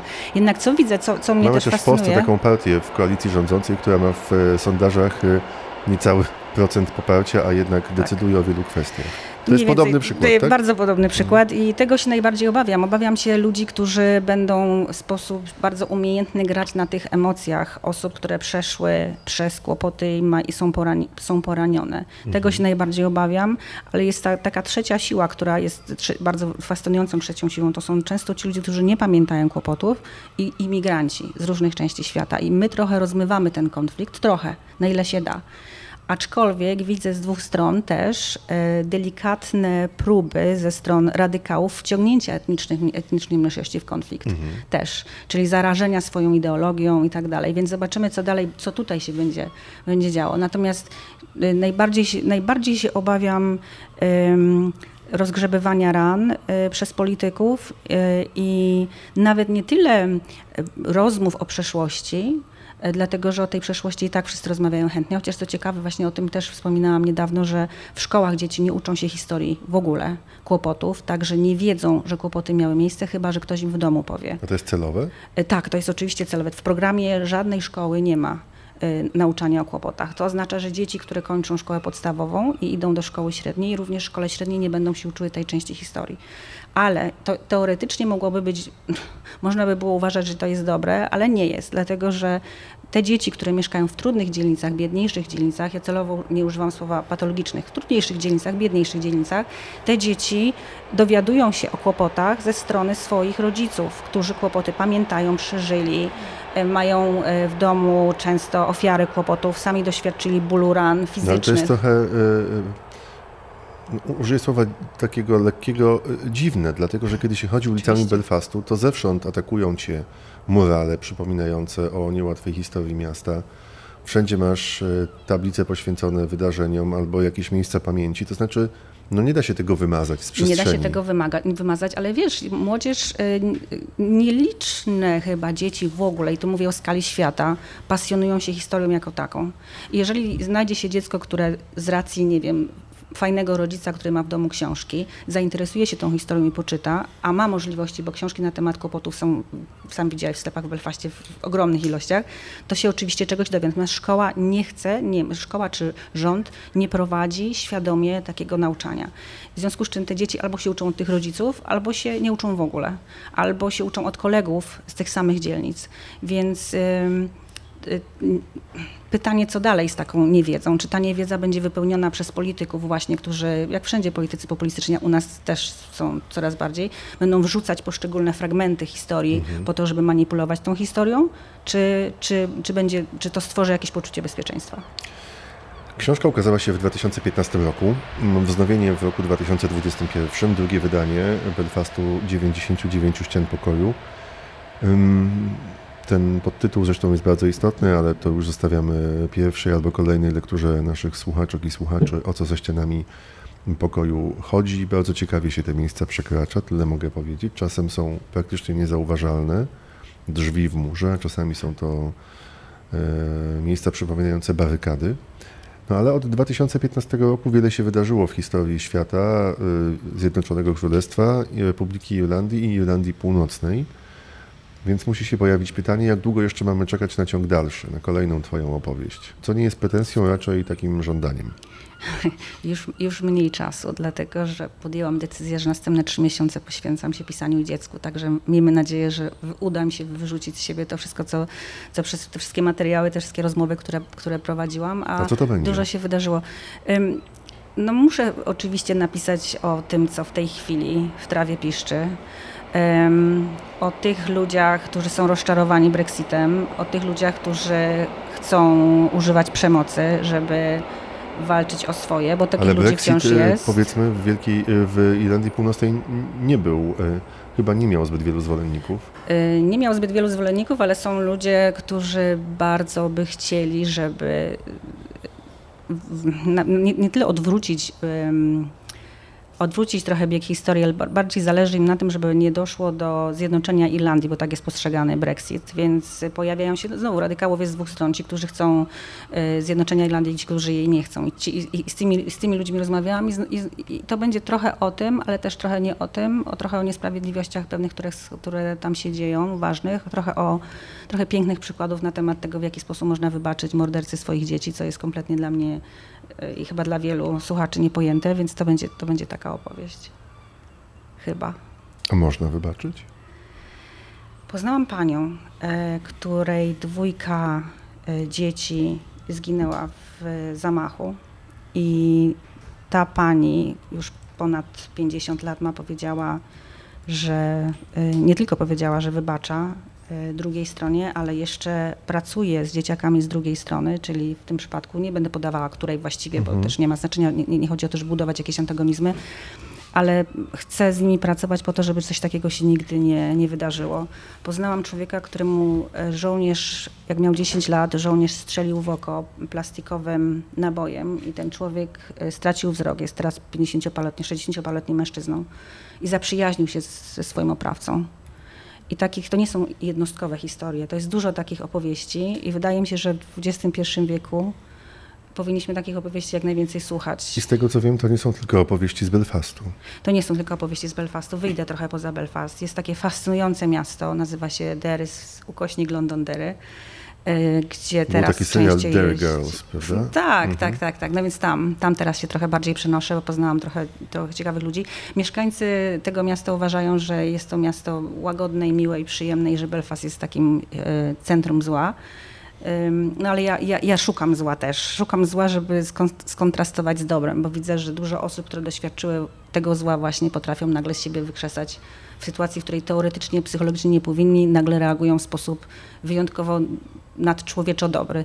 Więc tak, takie historie, będzie dużo takich historii, a wydaje mi się, że to jest strasznie ważne w czasach, w których żyjemy, żeby pokazać i to, jak bardzo jesteśmy zróżnicowani, jak bardzo inaczej reagujemy, ale jak to, że w pewnym sensie nie jesteśmy definiowalni przez to, co robimy, choć to może brzmieć kontrowersyjnie, albo co robiliśmy właściwie.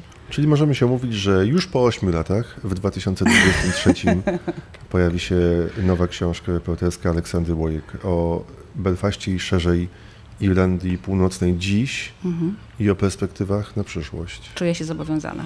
Dziękuję Ci bardzo. Ola była Państwa i moją gościnią. Bardzo. A jeszcze PS, jak się czujesz w Sopocie na festiwalu? Wspaniale, gorąco. 32 stopnie, w Belfaście jest teraz uderzenie gorąca 21 stopni.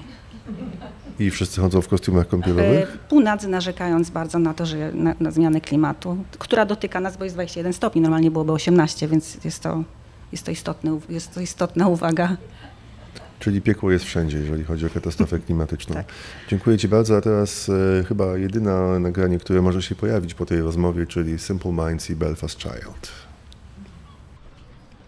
Ptasie Radio Literacki Sopot 2022, edycja irlandzka. Teraz e, Państwa i moją gościnią jest Pani Małgorzata Semil, tłumaczka. Dzień dobry. Dzień dobry. Będziemy rozmawiali o pokojach. E, pokoje to są poetyckie opowieści Andy Walsha. Mm, będzie można to zobaczyć, tego posłuchać tutaj właśnie, y, między innymi w niedzielę. Pokój 303, kuchnia i pokój dziewczynki. Mm, trzy teksty, które premierowo będą zaprezentowane w ramach festiwalu Literacki Sopot. Myślę, że dla osób, które interesują się teatrem, dramaturgią, y, nazwisko y, nie jest nieznane. No ale kiedy myślę o, y, o tym autorze, to dochodzę do wniosku, że trzeba jednak dokonać wprowadzenia. Ci, którzy poznają teraz literaturę irlandzką, y, dramaturgię irlandzką, mogą Andy Walsha nie znać. Więc gdybym mógł zacząć od pytania właściwie o tę postać. Postać. Po pierwsze, Enda Walsh jest mężczyzną, mhm. mimo że imię brzmi prawie żeńsko. Wszyscy przedtem myśleli, że to jest kobieta, to nie jest kobieta, to jest mężczyzna urodzony w 1967 roku. Młody autor, który dzisiaj chyba uważany jest za jednego z najważniejszych trzech współczesnych autorów dramatycznych y, irlandzkich, obok zmarłego niestety już Briana Freela, znanego bardzo szeroko w Polsce i na świecie Martina McDonacha. Enda Walsh jest y, coraz bardziej znanym autorem, między innymi dlatego, że działa mm, w różnych sferach teatralnych. Także być może szerszej publiczności teatralnej, znany, a także filmowej, znany jest jako autor Once, e, także jako autor tekstu do Lazarusa, którego napisał wspólnie z Boeing i także do scenariuszy filmowych. Natomiast jeśli idzie o dramatopisarstwo, y, kilka jego sztuk było w Polsce już prezentowanych, drukowane były w dialogu, a także y, taka sztuka jak Farsa z Walworth, która bynajmniej farsą nie jest, grana była przez parę sezonów w teatrze y, w Sopocie. Także kilka jego sztuk istnieje w polskim repertuarze teatralnym. Znana jest także bardzo taka sztuka, która się nazywa Disco Pigs, a jest ona o tyle ciekawa, bo ona dużo mówi o Irlandii między innymi. Mianowicie Enda Walsh, który pochodzi bodajże z Dublina, y, pojechał do Cork. No i w tym Cork okazało się, że w ogóle nie rozumie, co do niego mówią. Zupełnie. Totalna, totalne zero kontaktu. No i on postanowił napisać o tym sztukę mhm. i napisał tę sztukę językiem, który sobie w gruncie rzeczy wymyślił i był to język pary dwojga y, młodych ludzi, którzy się wybierają na disco. Dlatego to się nazywa Disco Pigs. Y, znane jest to zresztą z filmu, który był zrealizowany bodajże w 2001 roku. Jest ten wymyślony język Skork, a właściwie jego odtworzenie języka Skork było jego debiutem dramaturgicznym. No a potem poszło już jak lewina. Pisze dużo, często, dosyć łatwo, co nie znaczy, że jego, to co pisze jest łatwe. Mhm. A dlaczego nie jest łatwe? Nie jest łatwe, dlatego że jego interesuje. Znaczy, ja zacznę od końca. On jest coraz bliższy Becketa. Mhm. To znaczy, jego w gruncie rzeczy interesuje nie wesołe rzeczy, tylko jego interesuje to, co nas gdzieś tam może czekać. Interesuje go ten moment, w którym człowiek zawisa w momencie dzisiejszym i zastanawia się, co, on, co tutaj robi. Forma, którą temu nadaje, jest bardzo ciekawa zawsze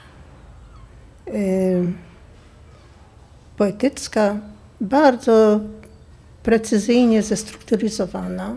Ona ma doskonałe wyczucie rytmu, czasu, y, muzyki i zresztą coraz bardziej wkracza w działalność multidyscyplinarną, czego zresztą dowodem i przejawem są pokoje, które tutaj będą widzowie mogli obejrzeć. No ale do tego wrócimy, do pokoi wrócimy. Natomiast, y, jak powiadam, jego jego pisarstwo jest trudne w sensie tematu, ciekawe jeśli idzie o formę, pełne groteski, bardzo taki powiedziałam z głębokim naciśnięciem pedału, co sprawia, że w gruncie rzeczy powinien być bardzo bliski nam. Mhm. A jest łatwy w przekładzie? Pioruńsko trudny. To znaczy? No, między innymi yy, powiedziałam o wyczucie muzyki, wyczucie rytmu i w związku z tym kontrastuje erupcję słów pozornie niekontrolowanych, bardzo poetyckich, yy, z pauzami i z nieomalże monosylabami. Więc znaleźć jakąś równowagę między tym. Więc pierwszy kłopot to jest rozszyfrowanie tego, tej erupcji słów, tej kaskady zupełnej. To są wodospady słów. No trzeba to rozszyfrować i znaleźć jakąś formułę na to po polsku. No a potem te równorażniki zdań też nie są łatwe, dlatego że najtrudniejsze są tytuły. Dobrze, to zapytam teraz o metodę pracy, to znaczy o to rozszyfrowywanie Andy Walsha. Mhm. Jak pani to robiła? Jak bardzo panią wymęczył? Proszę pana, jak mnie wymęczył, to ja już nie pamiętam, bo jestem tak szczęśliwa, że, nie, że jestem tak szczęśliwa, że skończyłam. Ale rozszyfrowywanie jest trudne. To znaczy, powiem panu tak. Jedna z jego sztuk, jedna z ostatnich jego sztuk, która jest wyraźnie o śmierci. On ją zresztą napisał wtedy, kiedy mu się urodziła córka i chciał córce wyjaśnić, co to jest śmierć. Dlatego mówię, że on jest coraz bliższy mhm. E, I no siadłam do tłumaczenia i dłubałam to. No i potem jeden z anglistów, krytyków, powiedział, no wreszcie zrozumiałem, co tam było napisane. Czyli sukces. No więc dlatego, dlatego tak mnie wymęczył. Ja nie będę cytowała, kto to powiedział, ale powiem, powiem że to było bardzo miłe. Trudne, trudne jest rozszyfrowanie związków wyrazów przede wszystkim. Jego język jest bardzo idiomatyczny, jest bogaty, jest syntetyczny, a przy tym jest dużo słów. Angielski ma taką specyficzną cechę, jak wiele osób wie, że rzeczownik może się stać przymiotnikiem, wszystko może być czasownikiem, w zależności od struktury zdania. A jeśli, a jeśli zdanie jest długie, bez um, znaków przystankowych, um, to trzeba dojść do tego, co które słowo w danym zdaniu znaczy po prostu, jaką funkcję tam pełni. Także rozszyfrowanie tego jest trudne. Jak się rozszyfruje, no to trzeba nadać temu jakąś formę też y, w języku ojczystym. No właściwie napisać to od nowa po polsku. Tak jak robi każdy tłumacz. Mhm. To czym są pokoje? Pokoje to jest taka, pokoje zaczęły się w 2014 roku w Galway, gdzie jest taki międzynarod, doroczny międzynarodowy festiwal y, międzynarodowy, powiedziałam, tak, i multikulturalny. No i tak mu się napisał taki krótki kawałeczek, który się nazywał Pokój 303 i zaproponował to scenografowi, artyście multimedialnemu też, y, żeby to wystawić podczas festiwalu w Galway. Chodziło o to, ażeby on miał taki, taki zamysł, że jest przestrzeń, która jest jakoś zagospodarowana i w tej przestrzeni znajduje się człowiek, przestrzeń 5 na 5, w tej przestrzeni znajduje się człowiek, nie bardzo wie, co on tu robi, co to za pokój, co to za przestrzeń. I w tym króciutkim fragmencie czasu, który tam jest, bo te wszystkie kawałki trwają mniej więcej, moje wszystkie kawałki, ale wtedy, jak to napisał, to był jeden, 10-15 minut, w gruncie rzeczy następuje takie podsumowanie jego życia, taka autorefleksja, kim ja jestem, co ja tu robię, dlaczego tu jestem.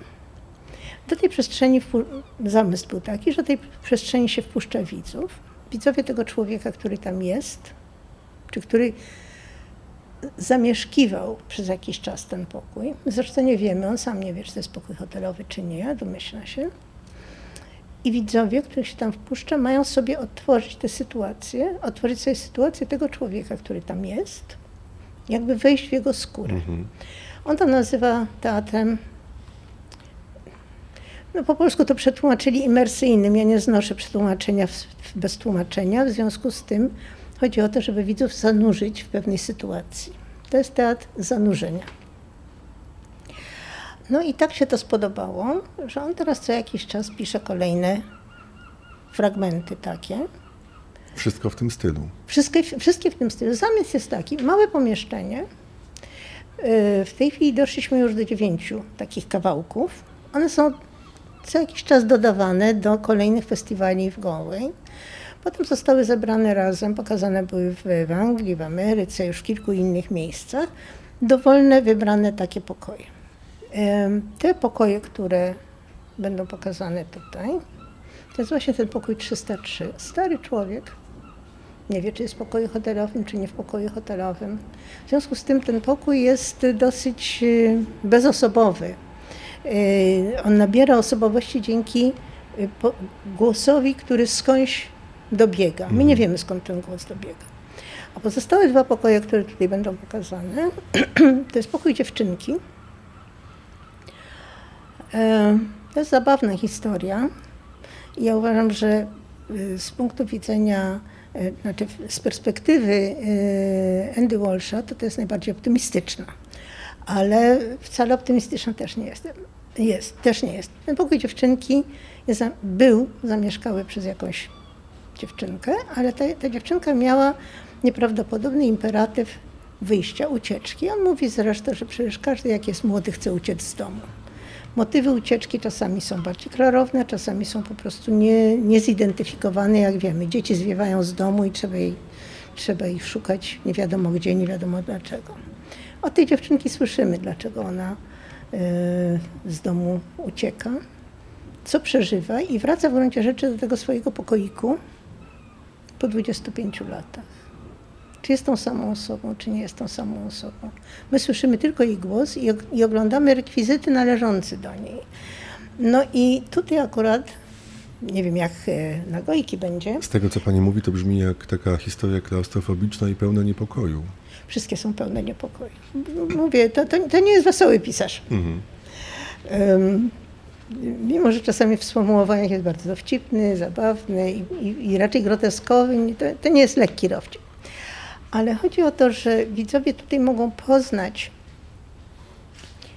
y, tę osobę, do której pokój należał, y, dzięki rekwizytom, które tam są zgromadzone. I cała rzecz polega na tym, że mogą sobie otworzyć szufladę, wziąć do ręki książkę, dotknąć lalki, no, pobyć w życiu, zanurzyć się właśnie w życiu tej osoby, która w tym pokoju funkcjonowała. My słyszymy bardzo krótką w gruncie rzeczy opowieść tej dziewczynki, co się jej przydarzyło wtedy, kiedy była e, poza tym pokojem, dlaczego poczuła tę konieczność e, wyjścia z niego. No i musimy sobie w głowie ją wykreować wtedy, kiedy miała te 6 lat i teraz, kiedy ma 25 i ewentualnie wraca do tego pokoju. Czy ona jest ta sama, czy pokój jest ten sam, czy świat jest ten sam, kim ona jest. Trzecia, trzeci pokój, który tutaj widzowie będą mogli, w którym będą mogli uczestniczyć, to jest kuchnia. No i to jest kuchnia, którą, która była wymarzona, a która w końcu osacza. I jest to głos kobiety, powiedziałabym, dojrzałej, która doznała pewnego zawodu w życiu w tym sensie, że wszystkie jej oczekiwania mm, gdzieś się, gdzieś się zawaliły. Bardzo mało wiemy o tych oczekiwaniach. Ważniejsze jest właściwie, yy, właściwie ważniejszy jest klimat jej opowieści, aniżeli szczegóły tego, co jej się w życiu wydarzyło. Choć też pewne incydenty tam są przywołane. Ciekawe jest to, że Enda Walsh e, pokazuje też świat widziany i odczuwany przez kobiety, mimo że właściwie mógłby tylko o męskiej perspektywie się poświęcić. No, ale jest także perspektywa dziecka. Mhm. A poza tym on napisał taką sztukę, która się napis, na, nazywa, nie, bo ona była przetłumaczona na polski, a to się nazywało The New Electric Volume e, o, o siostrach, które są właśnie takie zawiedzione w życiu. Ale wie pan, bardzo wiele najważniejszych utworów e, dramatycznych e, dotyczących kobiet było napisanych przez e, mężczyzn, chociażby taka słynna sztuka, z którą miałam przyjemność obcować, jak Shirley Valentine, jest napisana przez mężczyznę. E, Nie mówiąc o różnych innych słynnych utworach. Anna Karenina też jest napisana przez mężczyznę. Tylko ja mówię o tym w kontekście takim, e, Pani Małgorzato, że tutaj e, jedną z gościń festiwalu jest Emma McBride, irlandzka pisarka, która mówi, że kiedy pisała swoją powieść Pomniejsi wędrowcy, która ma polską premierę właśnie na festiwalu tutaj, to zderzyła się z czymś bardzo istotnym. E, To znaczy ona akurat pisała o języku seksu i seksualności, ale powiedziała mi w rozmowie, że musiała właściwie zbudować od podstaw język kobiecej opowieści na ten temat, ponieważ w większości przypadków w przeszłości jednak o doznaniach emocjonalnych, cielesnych kobiet pisali mężczyźni i pisali o tym używając męskiego języka. Ona musiała właściwie wykreować język kobiecy, nawet bym powiedział momentami feministyczny, żeby pokazać, jak kobieta y, patrzy na kwestie związane z cielesnością i seksualnością i zderzyć się z tym, że właściwie męski język, którym się większość z nas posługuje, jest nie tylko zwulgaryzowany, ale też bardzo oszczędny. A chodzi o zbudowanie całej palety określeń, które można potem do powieści włożyć. Rozumiem, że w przypadku Andy Walsha to nie jest. W przypadku Andy Walsha to nie wchodzi w grę chyba. Zresztą y, kiedyś była taka bardzo zabawna historia z Andy, z Andy Walshą. y, Walshem. Y, na festiwalu w Bonn i tam była jedna z jego sztuk, która była bardzo męska. On zresztą miał iluś tam braci, więc taka właśnie męska rodzina chyba. No ale, I było bardzo dużo, i tu nawiązuję do tego, o czym Pan mówił, i, i języka pewnie wulgarnego także mężczyzn. E, I tam ten akurat tekst był pełen wulgaryzmów. No i potem było spotkanie z publicznością. E, I e, taka niemiecka publiczność, bardzo mieszczańska, i jedna pani zapyta, że pana, czy pan musi używać aż takich, tak dużo takich brzydkich słów? A on mówi, jakie brzydkie słowa? Przecież tam nie ma żadnych brzydkich słów. No to ona zacytowała coś tam, co było w tekście. Mówi, a moja mama na, na swoim kółku różańcowym też tego używa. No tak, to jest argument nie do zbicia, prawda? tak, Właściwie rozwiązuje każdą, każdą Ale- sytuację. Tak, ale to mówi także o tym, że każdy język ma swoją własną tolerancję na wulgaryzm. O, to ciekawe, tak. Tak, tak, tak. Y, Zresztą, ale tu bym we- weszła w jakieś regiony, y, na przykład y, mnie bardzo razi to, że niektóre przekleństwa angielskie są tłumaczone dosłownie. Mhm. To znaczy funkcja jest tłumaczona na funkcję, organ jest tłumaczony na organ, a to wcale tak nie musi być. Dlatego, że każdy język inaczej używa emotywów. O Boże, to by było jakie ciekawe seminarium translatorskie, Tak. jak przekładać wulgaryzmy niedosłownie. Nie, no tak, proszę Jak pana. omijać więc organy, Jak, jak omijać organy, ale proszę pana, na przykład moje, ulubi- moje ulubione powiedzenie, to, przepraszam, to jest cytat z filmu. Schodzi dziewczyna po schodach, tam była jakaś awantura między nią a jej partnerem. Dziewczyna ma poobijaną twarz. E, No i ona mówi w tym filmie po polsku: Patrz, co mi zrobiłeś z moimi pieprzonymi wargami. Mhm. Przecież to jest dosłowne tłumaczenie, a słowo polskie jest długie, słowo angielskie jest krótkie. Słowo polskie mówi co innego, słowo angielskie mówi co innego, a to powinno być, przepraszam, k, co mi zrobiłeś z twarzą, czy coś. Prawda? Dlatego, że przecinek w innym miejscu powinien wypaść. No to prawda. I Dobrze. powinien być krótki. Ale to, ale to Ale to- może pan wykreślić. Poszliś, tak? nie, niestety, jesteśmy na żywo, nie da się wykreślić, ale muszę powiedzieć, że to jest fascynujące. Kultura przekładu e, wulgaryzmów. E, No tak. Musimy to jakoś tutaj sz- poszerzyć e, w... Nie wiem, jak to będzie w niemieckim języku, a znaczy wiem, jak będzie, ale wolę tego nie teraz Tak. nie rozwijać, ale może jest to jakiś pomysł na nowy cykl. Ja tylko powiem, e, mm, kończąc już nasze Mhm. spotkanie, że mm, będą głosy, które prezentować będą, będą widzkom i widzom e, e, opowieści napisane przez Andy Walsha. E, Kuchnia to będzie Katarzyna Dąbrowska, Pokój Dziewczynki to będzie Joanna Pachy-Szpikowska i Pokój 303 to będzie Krzysztof Gosztyła.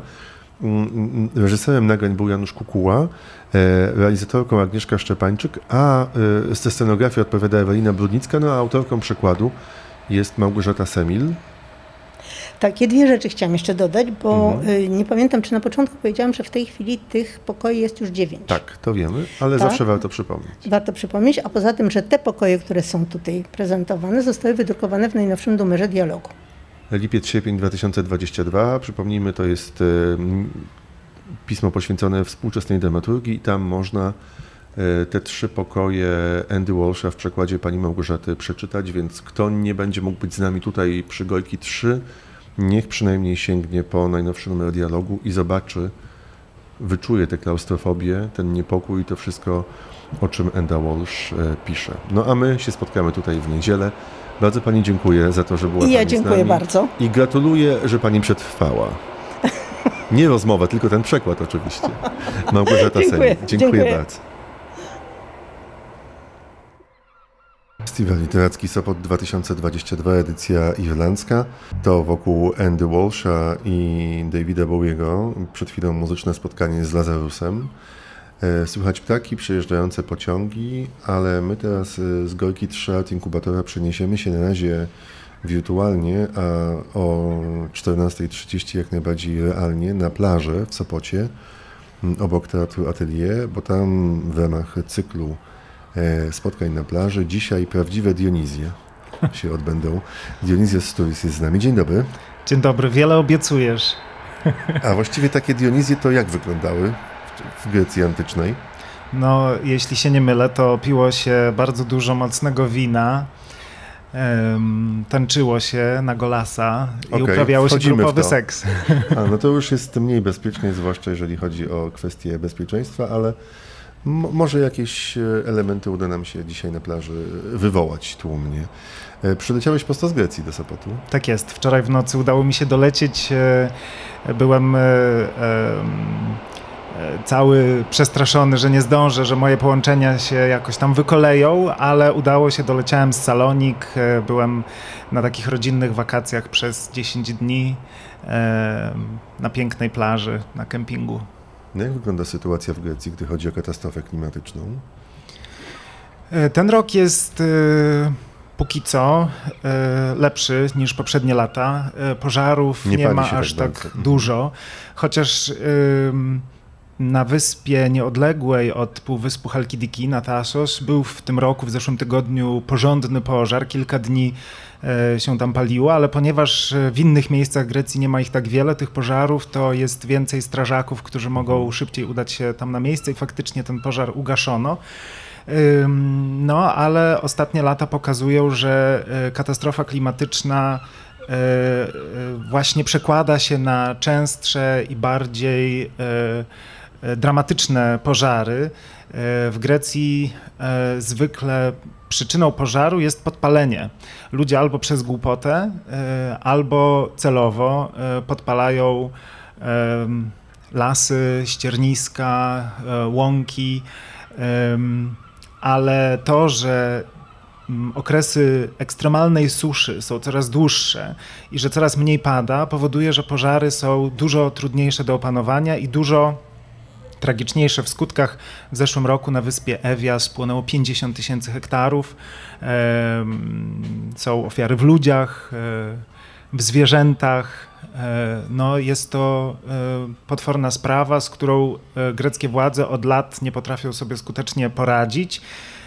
Mówi się, że całkiem spore pieniądze przeznaczają na sprzęt, na e, e, szkolenia strażaków, a bardzo mało pieniędzy i takich wysiłków na prewencję. To znaczy nie, nie prowadzi się rozsądnej polityki zasadzania mm, nowych drzew, e, e, utrzymywania takiej porządnej gospodarki wodnej. e, No i kary dla podpalaczy są na pewno ciągle za małe, więc tak, Grecja radzi sobie z tym problemem od lat, ale zmiany klimatyczne powodują, że ten problem jest coraz cięższy. Mm, Tutaj w Polsce, o czym doskonale wiesz, bo przez lata pracowałeś w Radiu Tok FM i byłeś reporterem, więc przyglądałeś się naszej rzeczywistości. My się koncentrujemy głównie na tym, co się dzieje w Polsce. Informacje ze świata e, w serwisach informacyjnych zajmują ułamek całego czasu antenowego. Mm, To chciałem jeszcze zapytać, e, tak poszerzmy naszą wiedzę o współczesnej Grecji. O czym się teraz w Grecji mówi, albo czym żyje Grecja współczesna, już poza katastrofą klimatyczną? W ostatnich dniach żyje aferą podsłuchową, A, afery, lubię to. ale nie powiem y, za dużo, dlatego że celowo na ten okres wakacyjny y, postanowiłem odłączyć się od y, internetu i od wiadomości. I o tym, że jest afera podsłuchowa w greckim rządzie, dowiedziałem się od polskich dziennikarzy, którzy dzwonili z prośbą o komentarz, a ja musiałem odmawiać. Bardzo ważna rzecz y, zadzieje się dziś lub jutro. E, Może ona nie będzie widoczna gołym okiem, ale y, Komisja Europejska zdejmuje nadzór finansowy nad Grecją, nadzór, który sprawowała przez wiele ostatnich lat, który to nadzór był wynikiem kryzysu. E, Greckie władze nie były wolne w podejmowaniu decyzji różnych ekonomicznych, musiały ubiegać się o zgodę u wierzycieli, w tym u Komisji No Europejskiej. chodziło o to, że jak inwestować w Grecję, to żeby te pieniądze nie zostały e, przejęte przez polityków albo jakichś... Albo jakoś macherów, głupio którzy tak, no wydane właśnie, po prostu, mhm. tak? Niekoniecznie korupcyjnie, ale po prostu jakoś... e, Bezsensownie. bezsensownie. No i teraz się kończy ten nadzór, co jest takim no, symbolicznym wydarzeniem, dlatego że dla Greków to jest oznaka tego, że powoli jednak ten kraj wychodzi z kryzysu, że odzyskuje sterowność po no, już 12-13 latach. Kryzys grecki, jeśli można tak powiedzieć, chociaż wolałbym nie, kryzys ekonomiczny, który trwał w Grecji, y, nadal jest odczuwalny. połączony z wieloma innymi kryzysami, ale faktycznie widać jakąś poprawę, więc to jest taki optymistyczny temat, który zaprząta Greków w wyobraźnię. Druga sprawa to nadal proces neofaszystów, dlatego że trwa właśnie proces apelacyjny, rozpoczął się kilka tygodni temu. Mówi się powoli gdzieś tam o przyspieszonych wyborach. No i oczywiście ciągłe napięcia w polityce z Turcją. To jest mhm. to, co, co Greków e, zaprząta. E, kiedy Rosja napadła na Ukrainę, ja byłem akurat e, w Grecji na takiej wyspie Limnos i zbierałem materiały do książki kucharskiej i rozmawiałem rano tego dnia z autorką książki o kuchni regionalnej, która zaprosiła mnie po południu do siebie na obiad. E, I, i, jedliśmy ten obiad przyklejeni jeszcze z jej przyjaciółmi do telewizora i oglądaliśmy, co, co tam się działo w Ukrainie. E, I oni to przepuszczali przez e, swoje doświadczenie i swoje strachy różne i obawiali się bardzo tego, że jeśli Putinowi się pozwoli E, na wyjście z tej agresji obronną ręką, to za chwilę prezydent Turcji upomni się o greckie wyspy. Między innymi o Limnos, o Lesbos, o Kos, o Chios, te, które leżą blisko tureckiego wybrzeża. Więc tam z kolei jeszcze e, takie panują nastroje, takiego strachu, dlatego że mówiła mi Sofia, ta autorka książki, moja gospodyni wówczas, że e, rodzice wpoili im taki strach i taką niepewność. E, hmm że, że te ziemie, które wcześniej były w Imperium Osmańskim, mogą do Turcji wrócić, jeśli Turcy się o to upomną. A y, napięcia między greckimi a tureckimi władzami stale są bardzo silne.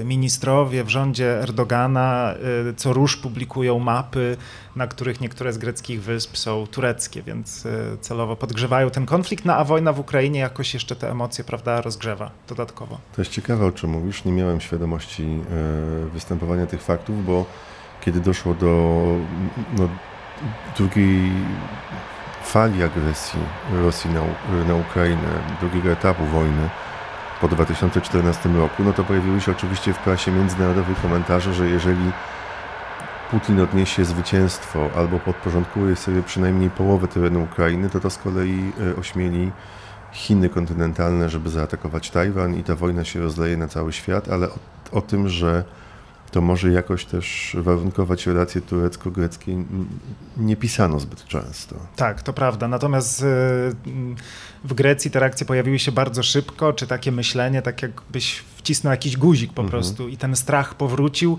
E, dlatego też Grecja, chociaż nadal, jak mówiłem, wychodzi z tego kryzysu, zaczyna w tym roku przeznaczać dużo większe pieniądze na zbrojenie, dlatego że w okresie, w tych ostatnich latach kryzysowych e, Grecja kupowała mniej broni. E, teraz faktycznie te obawy są, są bardzo duże.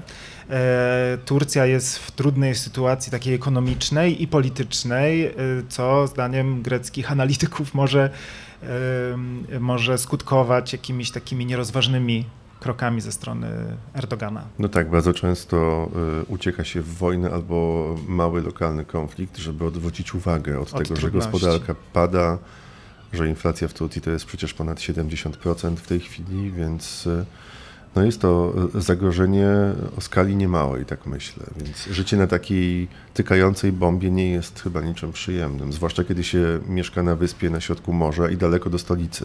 Tak jest. Albo e, przy granicy z Turcją, e, mhm.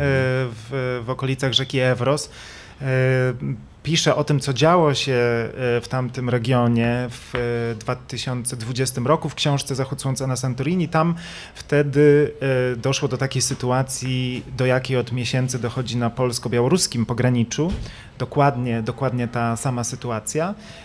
No i wtedy lokalni mieszkańcy mówili mi, że oni wszyscy mają w domu broń, bo jak się ma Turka za sąsiada, to nigdy nie wiadomo. E, używali wtedy tej broni do okropnych celów, bo mm, patrolowali e, ten ich grecki brzeg rzeki e, po to, żeby wyłapywać ewentualnych uchodźców, którzy przeprawią się na drugą stronę z terenu Turcji. Więc to są dwie różne jakby opowieści, ale faktycznie takie, taki, taki strach przed agresją turecką jest w Grecji duży. No jedyne co jakoś może nas troszeczkę uspokajać to to, że oba kraje są w NATO i być może jednak tutaj byłaby jakaś przestrzeń do apizmentu. Mhm.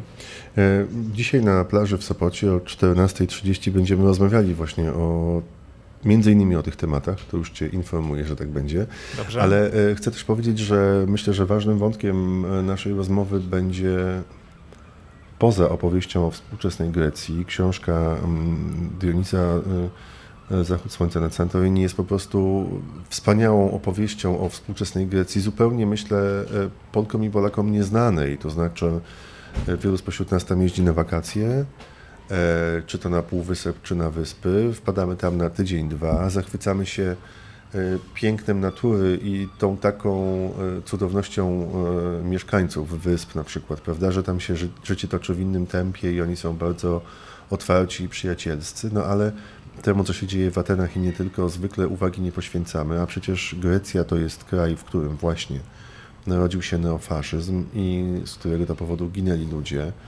Grecja to jest kraj, który e, w zestawieniu z Polską ma bardzo długą tradycję związaną z dyskusjami na temat przyjmowania uchodźców. Zresztą jest krajem, który leży nad morzem, e, którym łodziami oni się przeprawiają do Europy, więc e, słynne historie palonych, podpalanych obozów dla uchodźców to jest też element historii współczesnej Grecji. Mm, no poza wszystkim też takie tematy jak kuchnia, które są Ci bliskie, ale Twoje korzenie, to znaczy historia Twojej rodziny, greckiej części rodziny, ale też tego, jak Grecy po II wojnie światowej zostali w Polsce przyjęci. O tym piszesz w Nowym Życiu i myślę, że to jest bardzo istotne, żeby przypominać Polakom, że mamy chlubne także momenty w swoich dziejach najnowszych, jakbyśmy się tego wstydzili albo woleli o tym nie pamiętać. Albo może y, chodzi o to, że ta historia jest tak pozytywna, że aż nudna. Y, ale faktycznie y, bardzo zależało mi na tym, żeby opowieść o polskich Grekach przypomnieć teraz. Zwróciłem się do wydawnictwa poznańskiego z propozycją wznowienia tej książki jeszcze zanim wybuchła wojna w Ukrainie. Ta książka wyszła w 2017 roku. Moją główną motywacją do jej napisania, czy jedną z głównych motywacji było, było przypomnienie tej historii w warunkach, kiedy w Polsce panowała, e, panował taki okropny dyskurs antyuchodźczy tuż przed wyborami w 2015 roku. Pamiętamy kampania wyborcza e, uchodźca. i tak dalej. Tak, dokładnie, mhm. roznoszący choroby. E, więc e, pomyślałem, że, że, że, że opowiem tę historię, żeby właśnie o tym chlubnym przypadku przypomnieć. A teraz ten kontekst się mocno skomplikował, bo z jednej strony pomagamy uchodźcom z Ukrainy bardzo otwarcie, ofiarnie i tak masowo, a z drugiej strony nie chcemy wpuszczać tych, którzy którzy są e, czasami kilkadziesiąt kilometrów dalej, przy innej granicy. E, Im już e, tego statusu uchodźcy odmawiamy, tak symbolicznie, nie mówię oficjalnie. Więc, więc chciałem przypomnieć, że tak jak z Grekami i Macedończykami udało się kilkadziesiąt lat temu, kiedy Polska była w o wiele trudniejszej sytuacji niż jest teraz, pod każdym względem, tak mogłoby się udać teraz. Gdybyśmy przyjęli tych ludzi na granicy z Białorusią i im pomogli, e, no to myślę, że byłyby z tego same plusy. Nie, nie bylibyśmy durniami ani zdrajcami, wręcz przeciwnie, moglibyśmy e, z odwagą spojrzeć w lustro. Dzisiaj o 14.30 na plaży w Sopocie mamy obietnicę od organizatorów, że będzie zadaszenie na scenie, więc nie spłyniemy e, z powodu słońca, chociaż ty po greckich wakacjach chyba jesteś przyzwyczajony już do upału. Tak, ale innego. E, w Grecji jest sucho e, i ten upał mhm. inaczej człowieka dotyka. Dziś w Sopocie jest parno bardzo. To już od kilku dni, panie redaktorze, więc może uda nam się przywyknąć do tego w Mam wachlarz, dniach. mam wachlarz, przywiozłem ze sobą. Więc Dobra, to ja się chętnie poddam wachlowaniu. Dziękuję bardzo. Dionizja Sturis był naszym gościem e, w Radiu Festiwalowym, Ptasim Radiu. Za niecałe trzy godziny spotykamy się na plaży, a e, informacja dla wszystkich spośród Państwa, którzy są z nami, a nie będą w Sopocie, od 29 sierpnia te spotkania zarejestrowane będzie można oglądać w sieci, więc niczego Państwo nie przegapią, jeżeli są zainteresowani. Dziękuję Ci bardzo. Mam teraz dla Ciebie prezent muzyczny. Mm, Nie wiem, czy wiesz, ale jest taki świetny zespół grecki, który nazywa się Keep Shirley Nothings. Nie znasz? Nie znam. Naprawdę nie znasz? Są z Aten, śpiewają po angielsku. E, to znaczy ona śpiewa i to jest w ogóle fantastyczna muzyka. Super, bardzo dziękuję. Więc e, posłuchajmy wspólnie. We want more, czyli chcemy więcej. Nie wiem, czy Państwo wiedzą, ale w czasy na wybrzeżu to jest najprzyjemniejszy wypoczynek. Tak przynajmniej mm, twierdzą niektórzy i tak głosi w tytule wystawa, którą właśnie można oglądać teraz. Wystawa czasowa do 16 października, którą można oglądać w Muzeum Sopotu. Karolina Babicz z tejże instytucji jest z nami w tej chwili. Dzień dobry. Dzień dobry. I co z tymi wczasami na wybrzeżu? No jak najbardziej. Czasy na wybrzeżu to najprzyjemniejszy wypoczynek. Kto tak uważał? E, tytuł wystawy zaczerp- e, został zaczerpnięty z jednej z publikacji wydawanej przez e, Fundusz Czasów Pracowniczych. Jest o, to słynne FWP. No Dokładnie, wiadomo. dzień dobry, witamy. Tak jest, oczywiście. Jak najbardziej. Dla nas ta wystawa, zresztą jak Państwo doskonale wiecie, Fundusz Czasów Pracowniczych powstał w 1949 roku i tak naprawdę organizował wypoczynek dla wszystkich, żeby przyjechać. Ale z myślą o klasie robotniczej przede Oczy- wszystkim. Mhm. No, jakbyśmy wtedy mieli inną klasę, tak, no, wiadomo. prawda? Em, Zgodnie z wy- wydanym skierowaniem, bo na takie wczasy trzeba było zostać skierowanym, można było e, odwiedzić ośrodki, pensjonaty, hotele czy nawet kempingi w całej Polsce. Niemniej taką e, praktyką było e, wysyłanie osób z południa Polski na północ i odwrotnie, z północy na południe. W Sopocie oczywiście mieliśmy kilka, tak, kilka kilkanaście takich miejsc, które e, wpisywały się w tą sieć e, instytucji funduszów czasu pracowniczych. Jak się nazywały? Zadaję to pytanie celowo, ponieważ przed anteną rozmawialiśmy o tym, że funkcjonowały i nadal funkcjonują we wspomnieniach y, nazwy skrócone. Tymczasem Jak najbardziej. My mówimy chemik, a tak naprawdę pełna nazwa brzmi Zakładowy Dom Wczasów Bydgoskich Zakładów Chemicznych Zachem Chemik. Albo Dom Wczasowy Związku Zawodowego Pracowników Rolnych Złoty Kłos. E, W takiej pamięci mieszkańców e, czy nas, historyków, potocznie mówimy skrótami. Niemniej e, nazwy były bardzo długie i rozbudowane.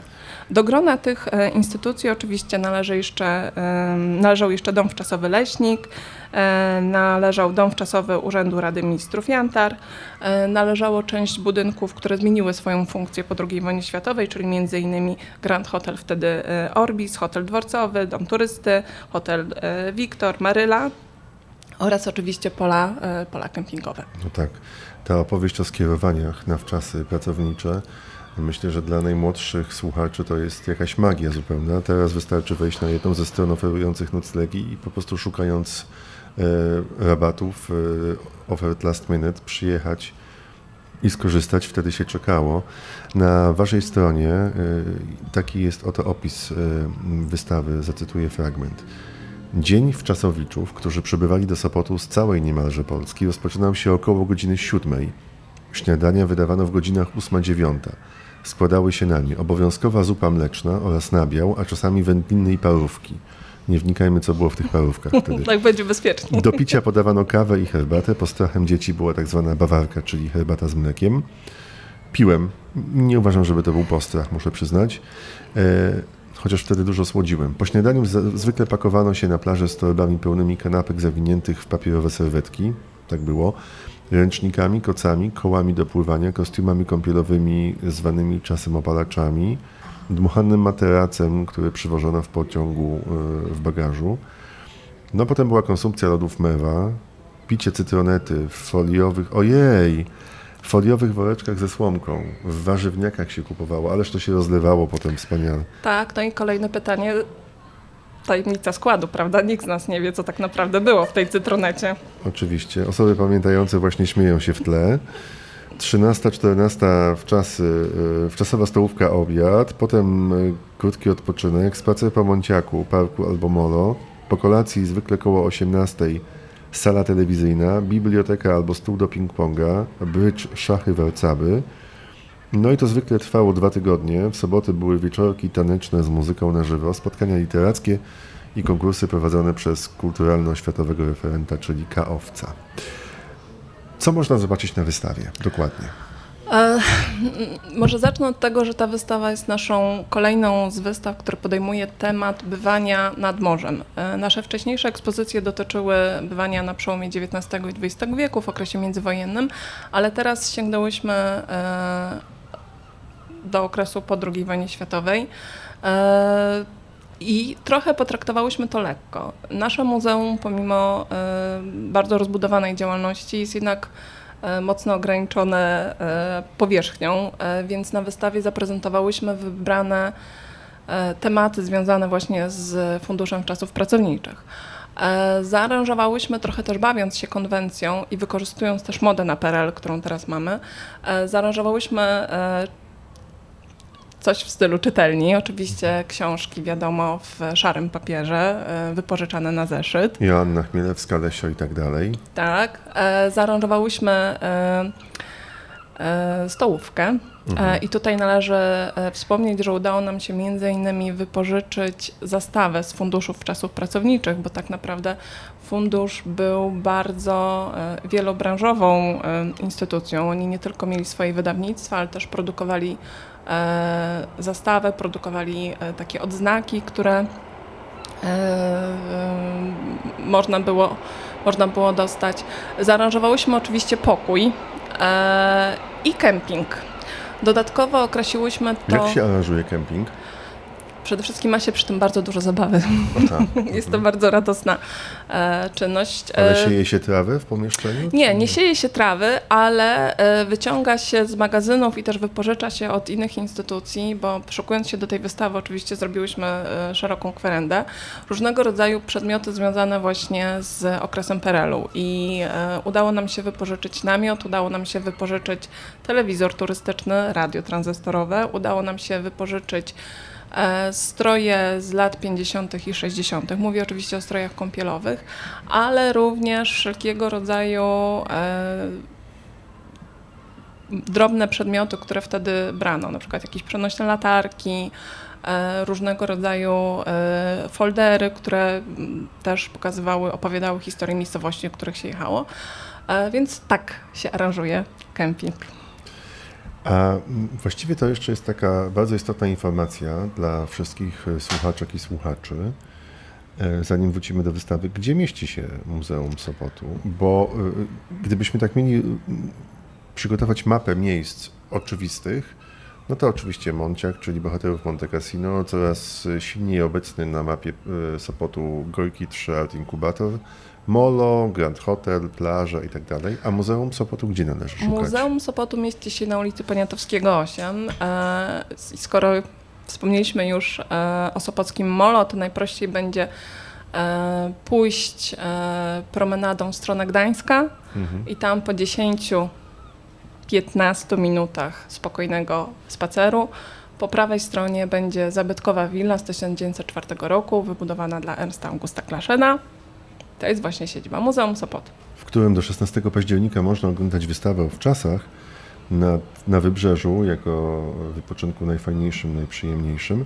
No ale jest też wystawa stała i może jeszcze temu poświęćmy kilka minut. Tak, wystawa stała e, jest rekonstrukcją wnętrz mieszczańskich z początku XX wieku. E, na niej eksponujemy nie tylko historię. Czyli Sopot z wtedy, tak? Tak, Sopot mhm. z wtedy, co więcej, nasza willa z wtedy.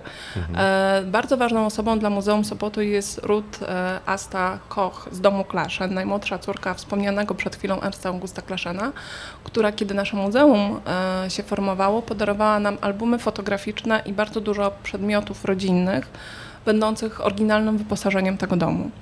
Mając e, tak bogaty materiał e, udało nam się zrekonstruować cały dół, czyli buduar, salon i jadalnię z werandą.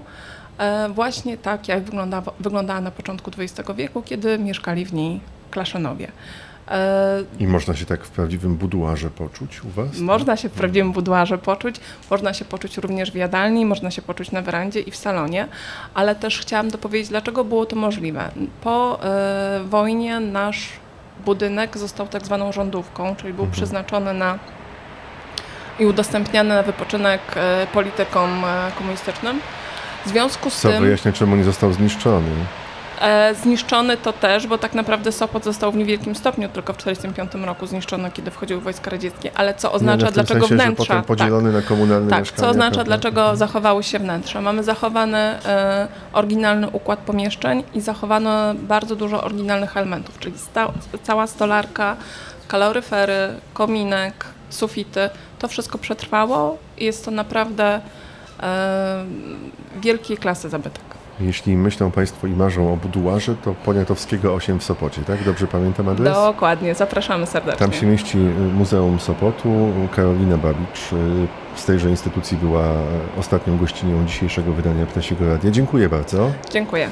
I dziękuję też wszystkim Państwu, którzy byli z nami tutaj na miejscu i słuchali nas w sieci. Jutro trzeci odcinek tegorocznego Ptasiego Radia y, powita się z Państwem o dziewiątej Łukasz Wojtusik, a ja Michał Nogaś dziękuję. Jak się okazało, myślałem, że trzy godziny to jest mnóstwo czasu, a było go za mało. Pa, pa. Mamy nadzieję, że Ci się podobało. Poleć nas znajomym. Oceń w serwisach streamingowych. Twoja opinia jest dla nas ważna. Dzięki niej możemy się rozwijać i tworzyć kolejne materiały audialne.